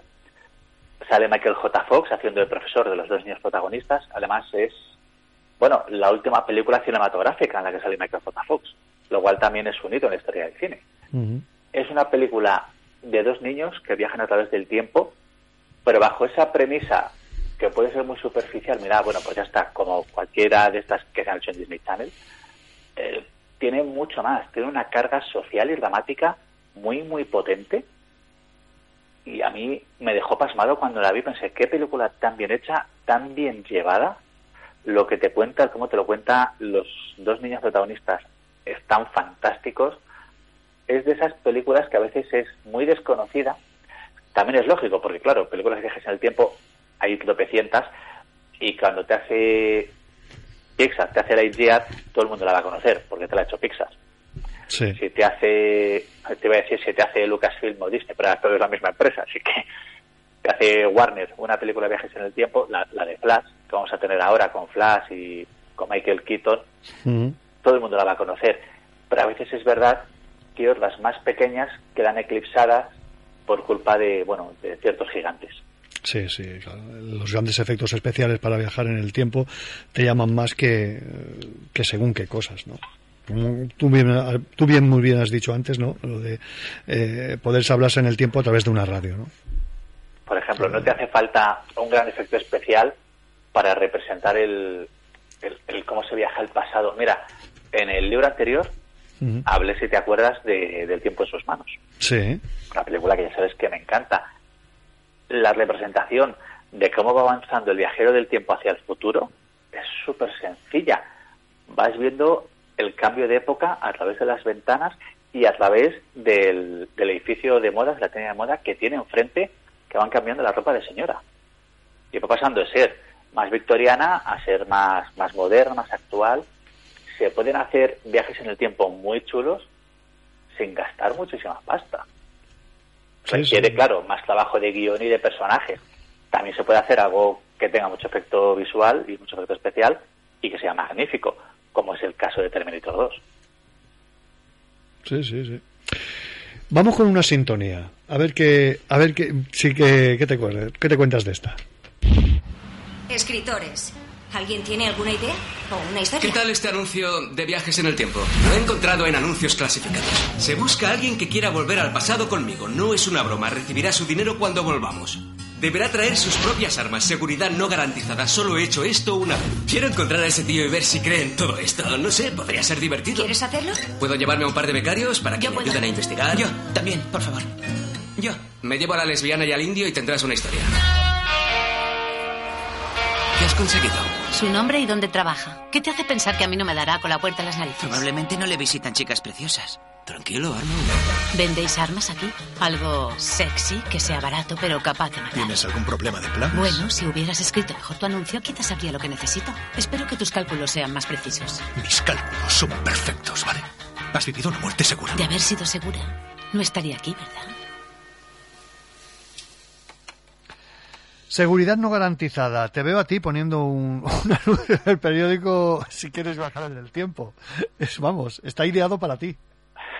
Seguridad no garantizada para mí es de las mejores películas que he visto viajes en el tiempo y en las que además, en realidad, durante toda la película no ves el viaje en el tiempo, aunque eh, está ahí presente y es una película muy sencilla que costó muy poco dinero, la verdad, al menos para los cánones norteamericanos, quiero decir, que fue la película que hizo que Colin Trevorrow y Derek Connolly fueran conocidos. De hecho, por el final de esa película dirigió eh, la de Parque Jurásico, la de Jurassic World. Y es una película, como decía, como la de antes, la de Nos vemos mañana, sí, y este rey. De estas películas que a veces son más desconocidas de lo que deberían. Pero además, yo, esta película, aparte que me encanta, tuve una suerte con ella porque hace un par de años me llevaron al Festival de Cine de Malta, a la, a la semana que se hizo aquí de cine. Y uno de los invitados era Colin Trevorrow. Ostras.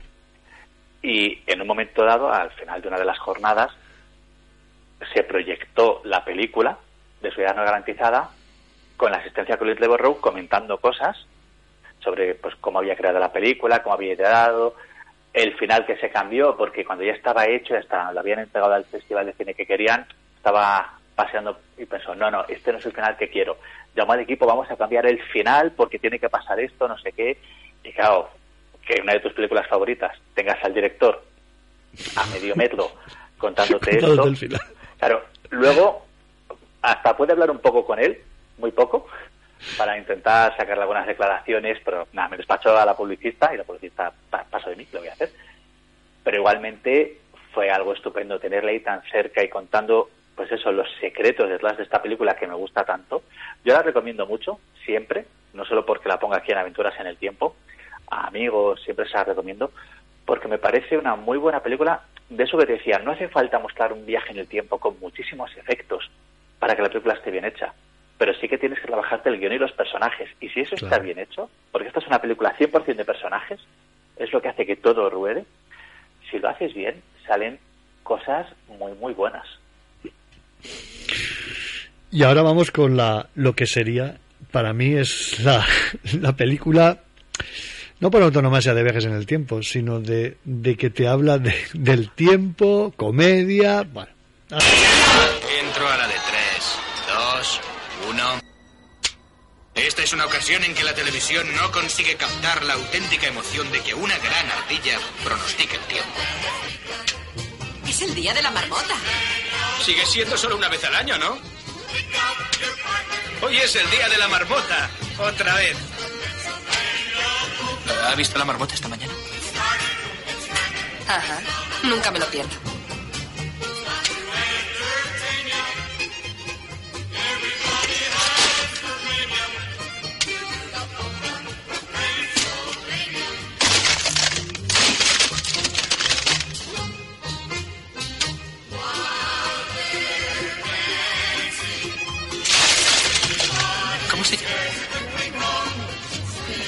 Nancy Taylor. Hola, Nancy.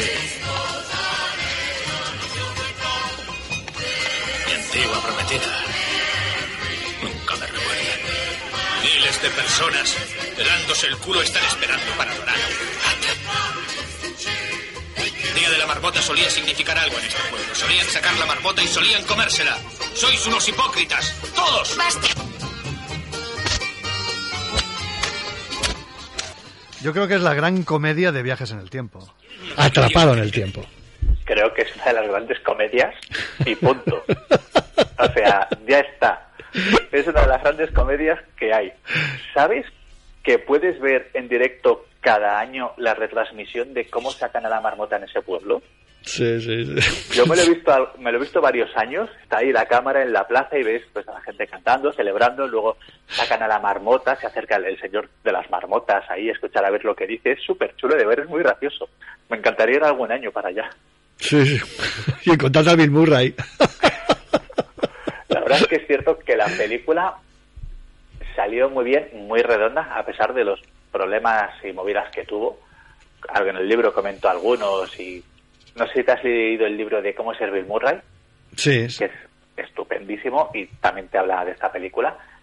Y es curioso cómo empezó el proyecto de la- la idea original que vino leyendo entrevista con el vampiro, el, el guionista, y pensando, ah, alguien que viviese tanto tiempo se aburriría, ¿qué pasaría con, con su vida, sus amigos?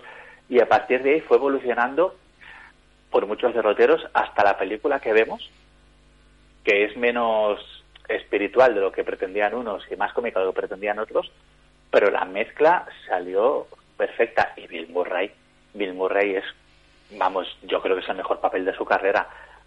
O, o igual no, no sé si el mejor, porque también, por ejemplo, Los Translation tiene otro montón de papeles buenísimos, pero uno de los mejores, ese Phil que se llama además igual que la marmota. Sí, sí, sí. Hasta en eso tiene malo va la película.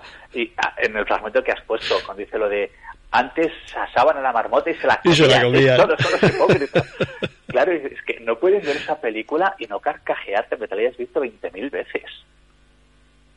Y sobre todo Harold Ramis, ¿no? Es un talentazo, vamos, vamos. La mezcla de ambos Sí. fue Como bien dices tú ahí. Sí, sí.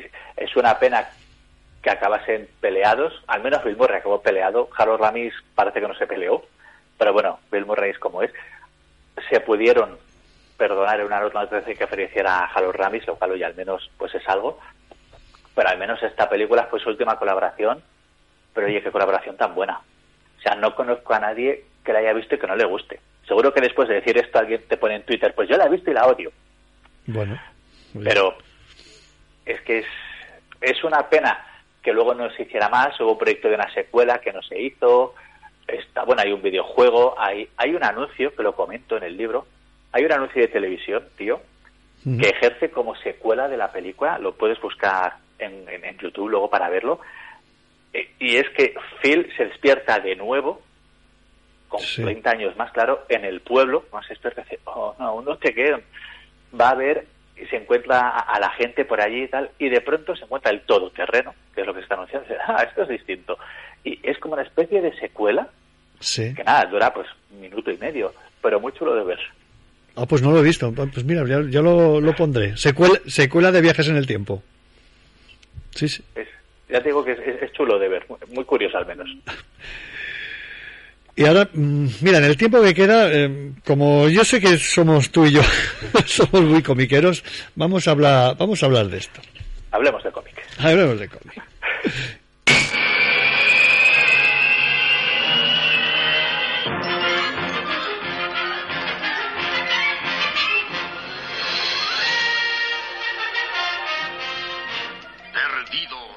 Con la sintonía de Perdidos en el Espacio. Te voy a pedir, te voy a pedir, eh, sobre todo, Deadpool.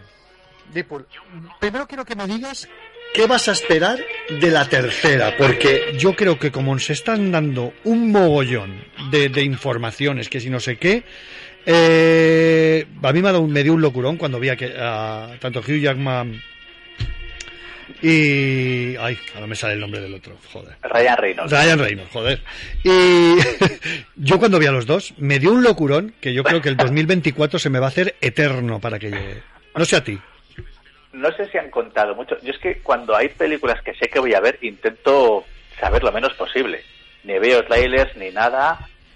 A veces peco con Fast and Furious, que la última me ha aguantado, no he visto nada. Digo, no quiero, quiero llegar al cine lo más virgen posible. Aquí, aparte de que vuelve Hugh Jackman como lo ves, no, no sé más. Pero, ¿qué me espero? Pues que sea divertida como las anteriores, que sea una gamberrada. Simple- que se rían de todo y demás. Me gustará ver a Hugh Jackman por última vez, quién sabe, porque también Logan iba a ser la última vez. Sí.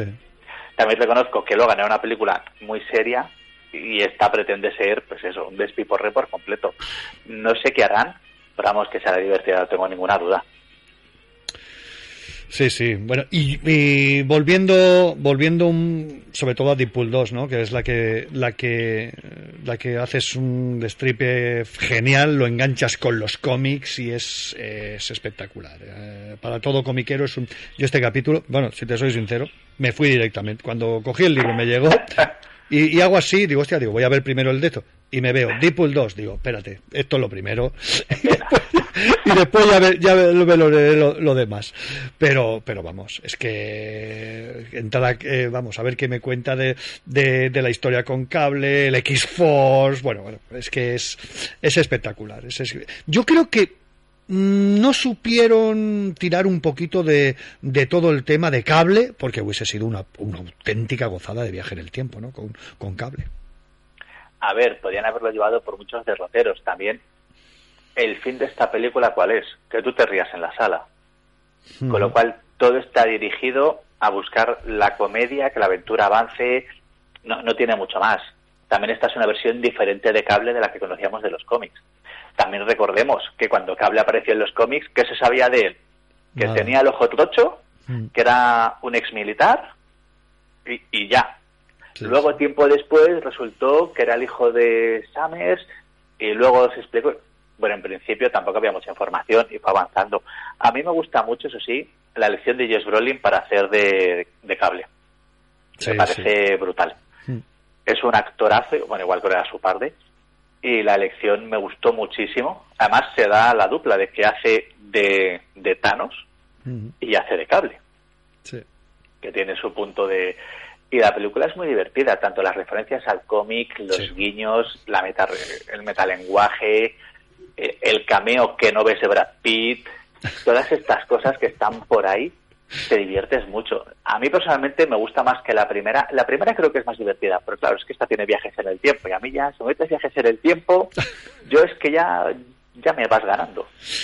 Yo pensaba, es que, ¿sabes? Que, que yo pensaba que igual lo iban a hacer un poco. A ver, al aparecer cable, yo digo, hostia, lo- a ver, que la hagas, eh, como tú dices, un despiporre, eh, muy bien y tal, pero yo creía que también meterían un poquito la parte seria, que entrara discordia, no sé.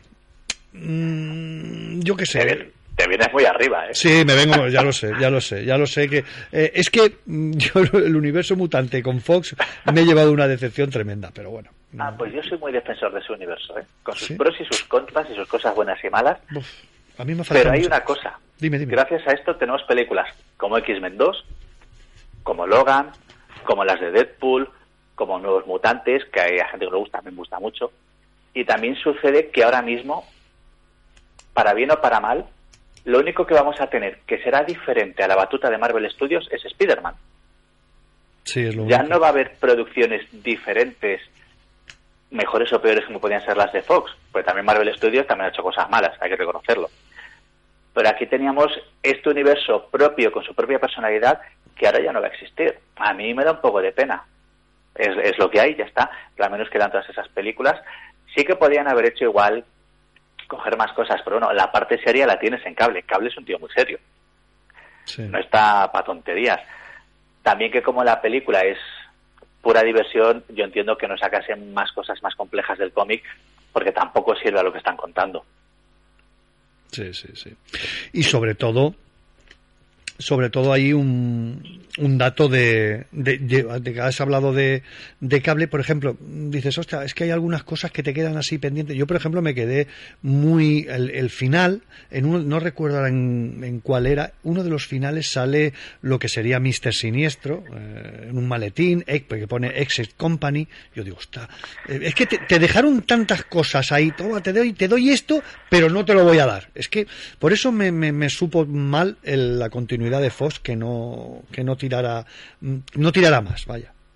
Bueno, pero si analizamos las pelis de Marvel Studios o las de Warner o lo que quieras, cuando se intentan hacer estas cosas siempre hay puntos que se intentan explicar, que luego no se narran, también los tienes en cómic. ¿Cuántas veces en un cómic se ha presentado al final el malo era, yo qué sé, la tía May, por decir una locura, y luego nunca se desarrolla? o cosas que se olvidan y en series también pasa.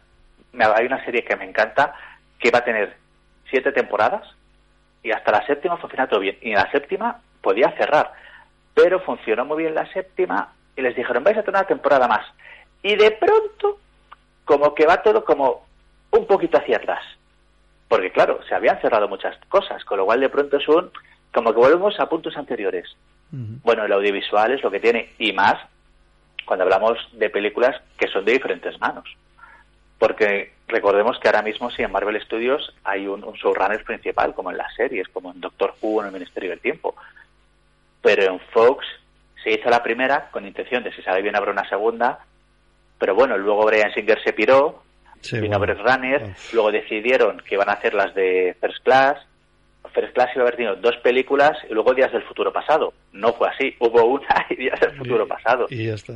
Claro, luego Simon Kimber también dirigió. Es complicado conseguir una unidad perfecta, y, y tú lo sabes que también lees muchos cómics como yo, Sí. de lo que hace un guionista a lo que hace otro. O sea, que hasta hace, ¿cuántos años ya? 15 años, 20, pensábamos todos que Bucky estaba muerto. Sí. Y Bucky estaba muerto.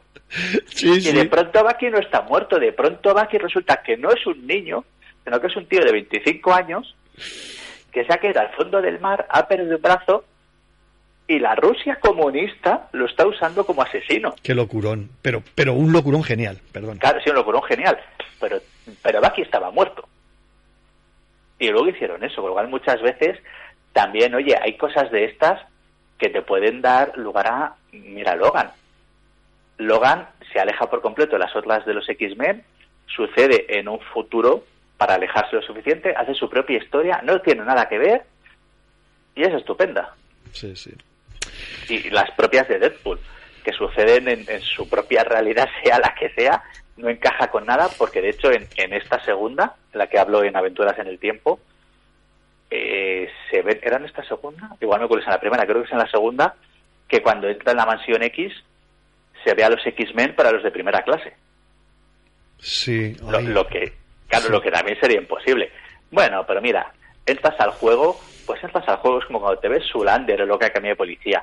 Si entras al juego de la risa, pues Eh, te- ah, sí, sí. Es, eh, es estar predestinado a lo que uno va a ver. Oye, y me encanta, ya para finalizar, eh, pues me van a quedar un montón de cosas en el de esto, pero bueno, es igual. Ya, ya tendremos ocasión de, de hablarlo. Me encanta de que hagas una, un referente al cómic de viajes en el tiempo por autonomasia. Siempre Vengadores. es que es una maravilla Es que, de bueno, lectura. sí, no esperaba que lo pusiera. Digo, bueno, así hablando y tal, digo, se liará con películas, series y tal. Y cuando, cuando llegue, digo, hostia, siempre Vengadores. Me llegó al alma. Y porque no puede encajar el Eternauta, que si no también hubiera hablado. de Uf, eso, ¿eh? Pero eso ya me costaba más el, el- el conseguir meter a ver cómo lo encajaba. Pero gracias a hablar de, de la segunda de Masacre, pues podía hablar de los viajes en el tiempo de Marvel, de Marvel Comics. Por supuesto, el de cuando Iron Man y Doctor Muerte viajan al pasado, cuando están en Camelot, Sí, sí, sí. que ese cómic, usando una expresión que has usado tú, es un locurón. Que además tienes a Iron Man luchando con el rey Arturo, el Doctor Muerte con Morgana, Eso sí que... sacando cadáveres de guerreros muertos en el pasado. Y es, es como dices, venga ya, que además luego ahí es cuando empieza la relación entre Víctor Von Muerte y Morgana, que luego tiene esa relación de, de amantes y amigos y no sé qué. Pero te lees ese TVO que son que- que dos, tres números americanos, me parece que fueron en total, Sí. y dices, pero, pero ¿qué es esto? Y además funciona súper bien. Y siempre Vengadores me ha gustado des- desde siempre. Lo que me iba a decir, desde siempre me ha gustado. Sí. Me acuerdo cuando salió, lo fui comprando las grapitas de Forum. Funciona muy bien la mezcla tanto dibujante, guionista, entintador, color, todo está muy bien hecho, muy bien medido, las referencias, lo que te adelantan, y los dos números dedicados a encajar la puñetera cronología de Kang y de Immortus, que mira que es complicado, que es difícil, Bueno, uf. y voy a hacer un taco muy gordo, pero me cago en la puta. ¿Cómo se logra hacer? Que dices, Dios bendito, si hasta tiene sentido todo. El cómo te lo va enganchando todo, haciéndote referencia a las historias clásicas, a otras más modernas. Te dicen, no, aquí este era Mortus, este era Kang, esto no sé qué, tal. y terminas y dices, y el acierto que es brutal de en esa historia hacer que Kang e Inmortus vayan a ser entidades separadas y que Kang no esté destinado a ser Inmortus. Me parece un acierto increíble, pues te permite que todo lo que ha ocurrido ha, ha pasado, es lícito, es existente, pero a partir de ahí, Kang e Inmortus tienen vidas separadas y Kang no tiene por qué acabar siendo Inmortus. Me parece un acierto para enriquecer a los personajes. De hecho, no sé si te has leído Kang, la conquista de uno mismo. No, Lo sac- no, no oído. pues mira, lo sacó Panini hará, no sé, un año, igual menos, no lo tengo ahora claro. Es un cómic de estos en los que se narra la, la vida de Kang, que también es magistral. Doc, es un placer hablar contigo. Oye, te, te emplazo para hacer un especial de Siempre Vengadores. Consigo dos o tres más y una mañanita o una tarde-noche mm, hacemos un especial de Siempre Vengadores. Que, que me, me- me dan ganas de volver a releerlo y, y hacerlo con vosotros un especial. Sería genial. Me lo releo de cuando en cuando porque es que te, es que te cae solo. Doc, un placer, tío, estar... Oye, lo dicho, Barcelona, Zaragoza. El que vaya, si, vienes tú, si voy yo para Zaragoza, igual tengo una paradita en Zaragoza de cara al verano. Y Pues tomamos, avisa, y to- avisa. sí, sí, tomamos un café allí en la Pilarica. Un café, no, una limonada, ¿vale? Sí, con el calor de aquí. Doc, es un placer tenerte. Nos vamos a despedir con una canción de aquellas de, de- bueno, la, la del final del Endgame, la de que están bailando el Capi y, la gente Carter. Y, y nos vamos. Oye, Doc, un placer y encantado de saber tus nuevas aventuras y, y poder hablarlas aquí en el Quinto Fantástico de Radio Gama. Un abrazo, Alberto, hasta cuando quieras. Un abrazote.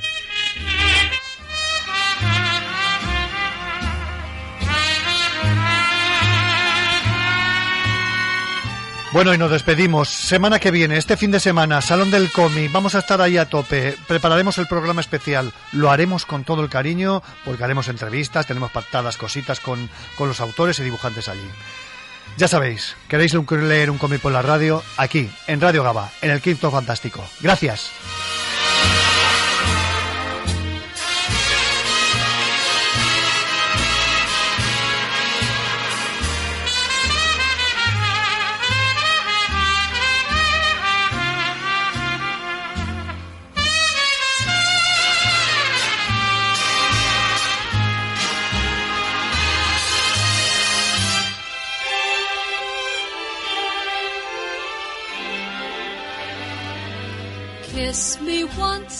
Kiss me twice, then kiss me once again. It's been a long, long time.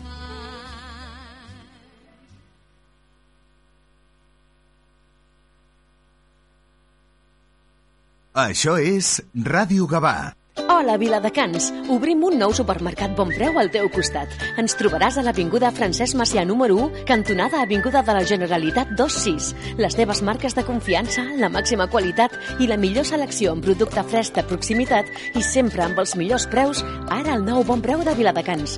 Un nou supermercat Bon Preu més a prop teu. Un nou Bon Preu al teu servei. Bon Preu ja està. Hola. Vida Mejor, tu inmobiliaria en Gabá, tiene un plan sencillo para que vendas tu piso seguro, y es que disponemos de más de 2.400 compradores para ti. Además, Vida Mejor pone a tu disposición un magnífico equipo de expertos inmobiliarios y coordinadoras que te acompañarán hasta el mismo día de la notaría. Te esperan en Paseo Maragall número 20. Vida Mejor, la inmobiliaria con suerte en Gabá. On t'agradaria perdre't? A Egipte, a la neu, a l'Olimp, entre dracs? Submergeix-te la màgia del cine a Finesa i viatja a llocs fantàstics amb les butaques més còmodes, imatge espectacular i so envoltant. Aquesta setmana gaudeix a la pantalla gran de Finesa de Mòmies. Consulta cinemes, horaris i qualificacions a finesa.es. T'esperem. Això és Ràdio Gavà. Hacía tanto que no me decías que bien te queda ese jersey. Llevaba tanto tiempo ausente que sin querer me olvidé de cómo se sentía un corazón latiendo flor de piel. Demasiado tiempo sin perder la cabeza, demasiado hielo, demasiada anestesia. No puedo entender cómo dejamos que fuera esto lo normal. ¿Quieres que salgamos a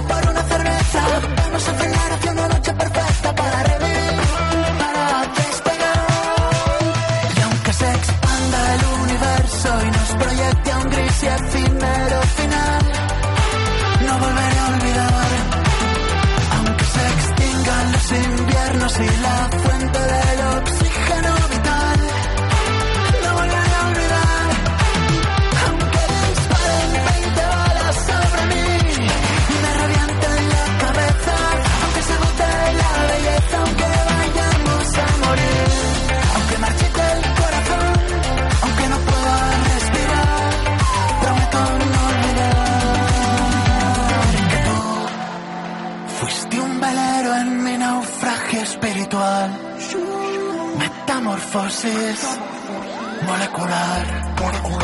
Una armadura de titanio, un manantial. Y te echo de menos. Pero el hecho es que hubo demasiado ruido, demasiada injerencia, demasiado bosque, demasiada maleza. No puedo entender cómo dejamos que fuera esto lo normal. Así que si tú quieres, salimos a por una cerveza. Vamos a cenar hacia una noche perfecta para revivir, se expanda el universo y nos proyecte a un gris y efímero final, no volveré a olvidar. Aunque se extingan los inviernos y la fuente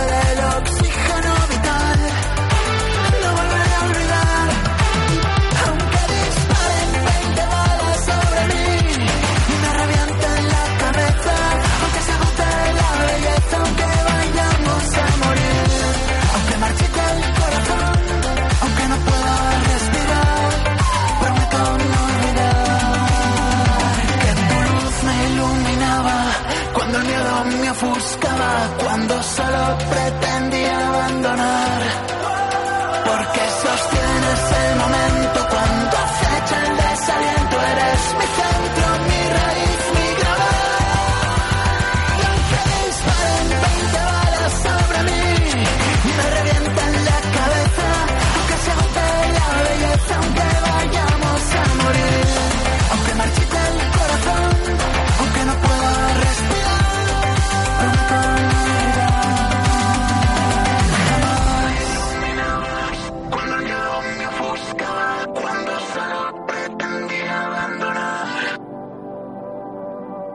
Sabes que siempre te imaginé, antorcha en mano y un buen bidón de gasolina para quemar.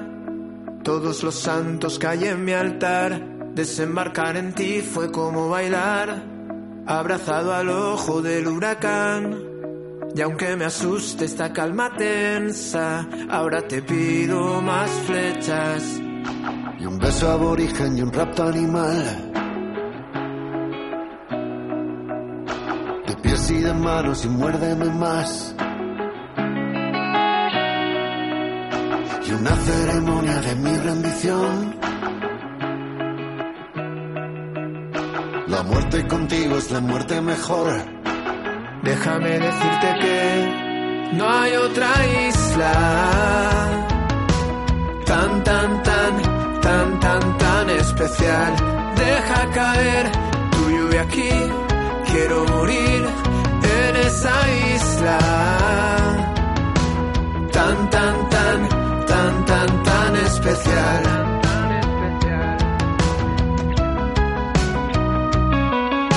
Y un beso aborigen y un rapto animal. De pies y de manos y un muérdeme más. Ceremonia de mi rendición. La muerte contigo es la muerte mejor. Déjame decirte que no hay otra isla tan, tan, tan, tan, tan, tan especial. Deja caer tu lluvia aquí, quiero morir en esa isla.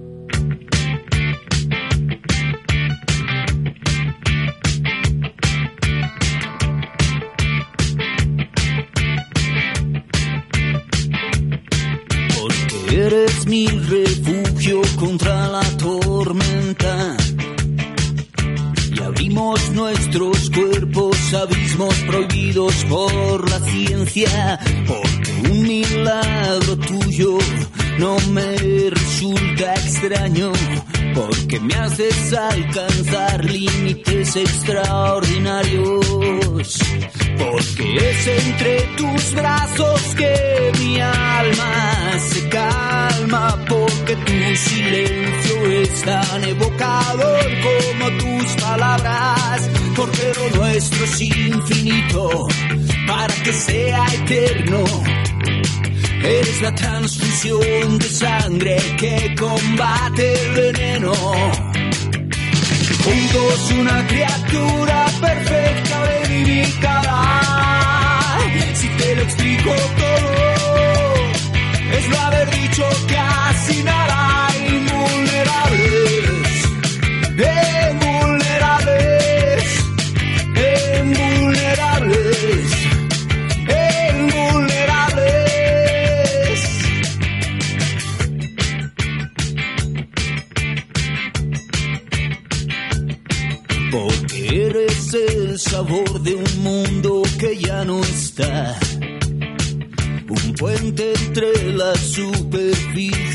Profundidad.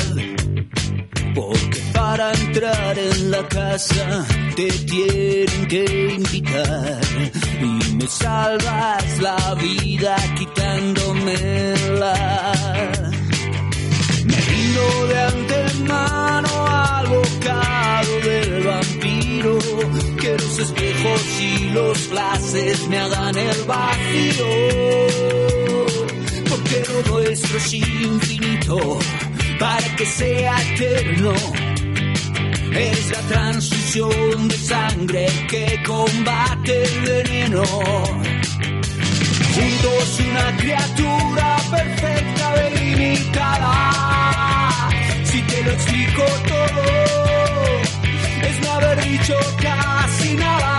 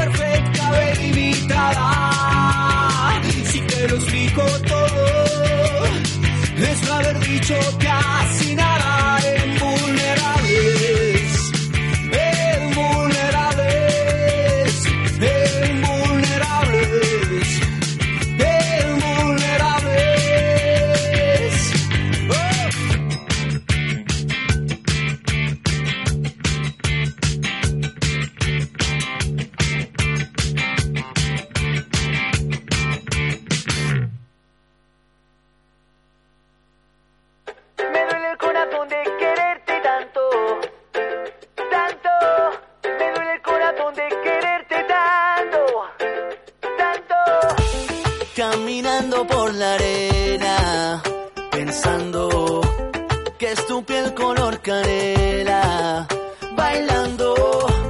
Ahora todo me recuerda la suerte que tengo de estar a tu vera. Soñando no podré vivir si al despertar esta no es la realidad y tú no estás a mi lado.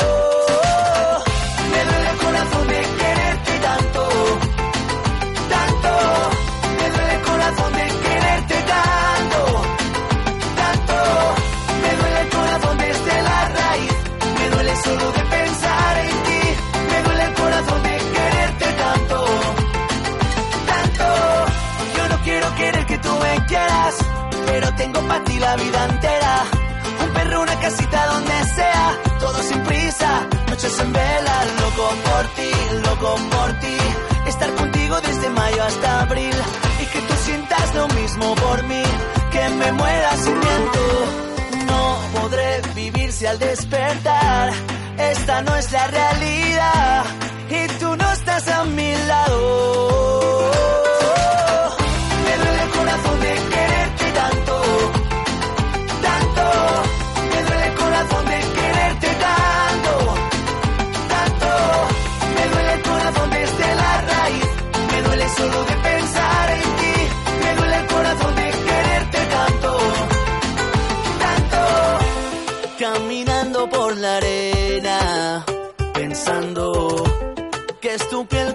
canela. Bailando, ahora todo me recuerda la suerte que tengo de estar a tu vera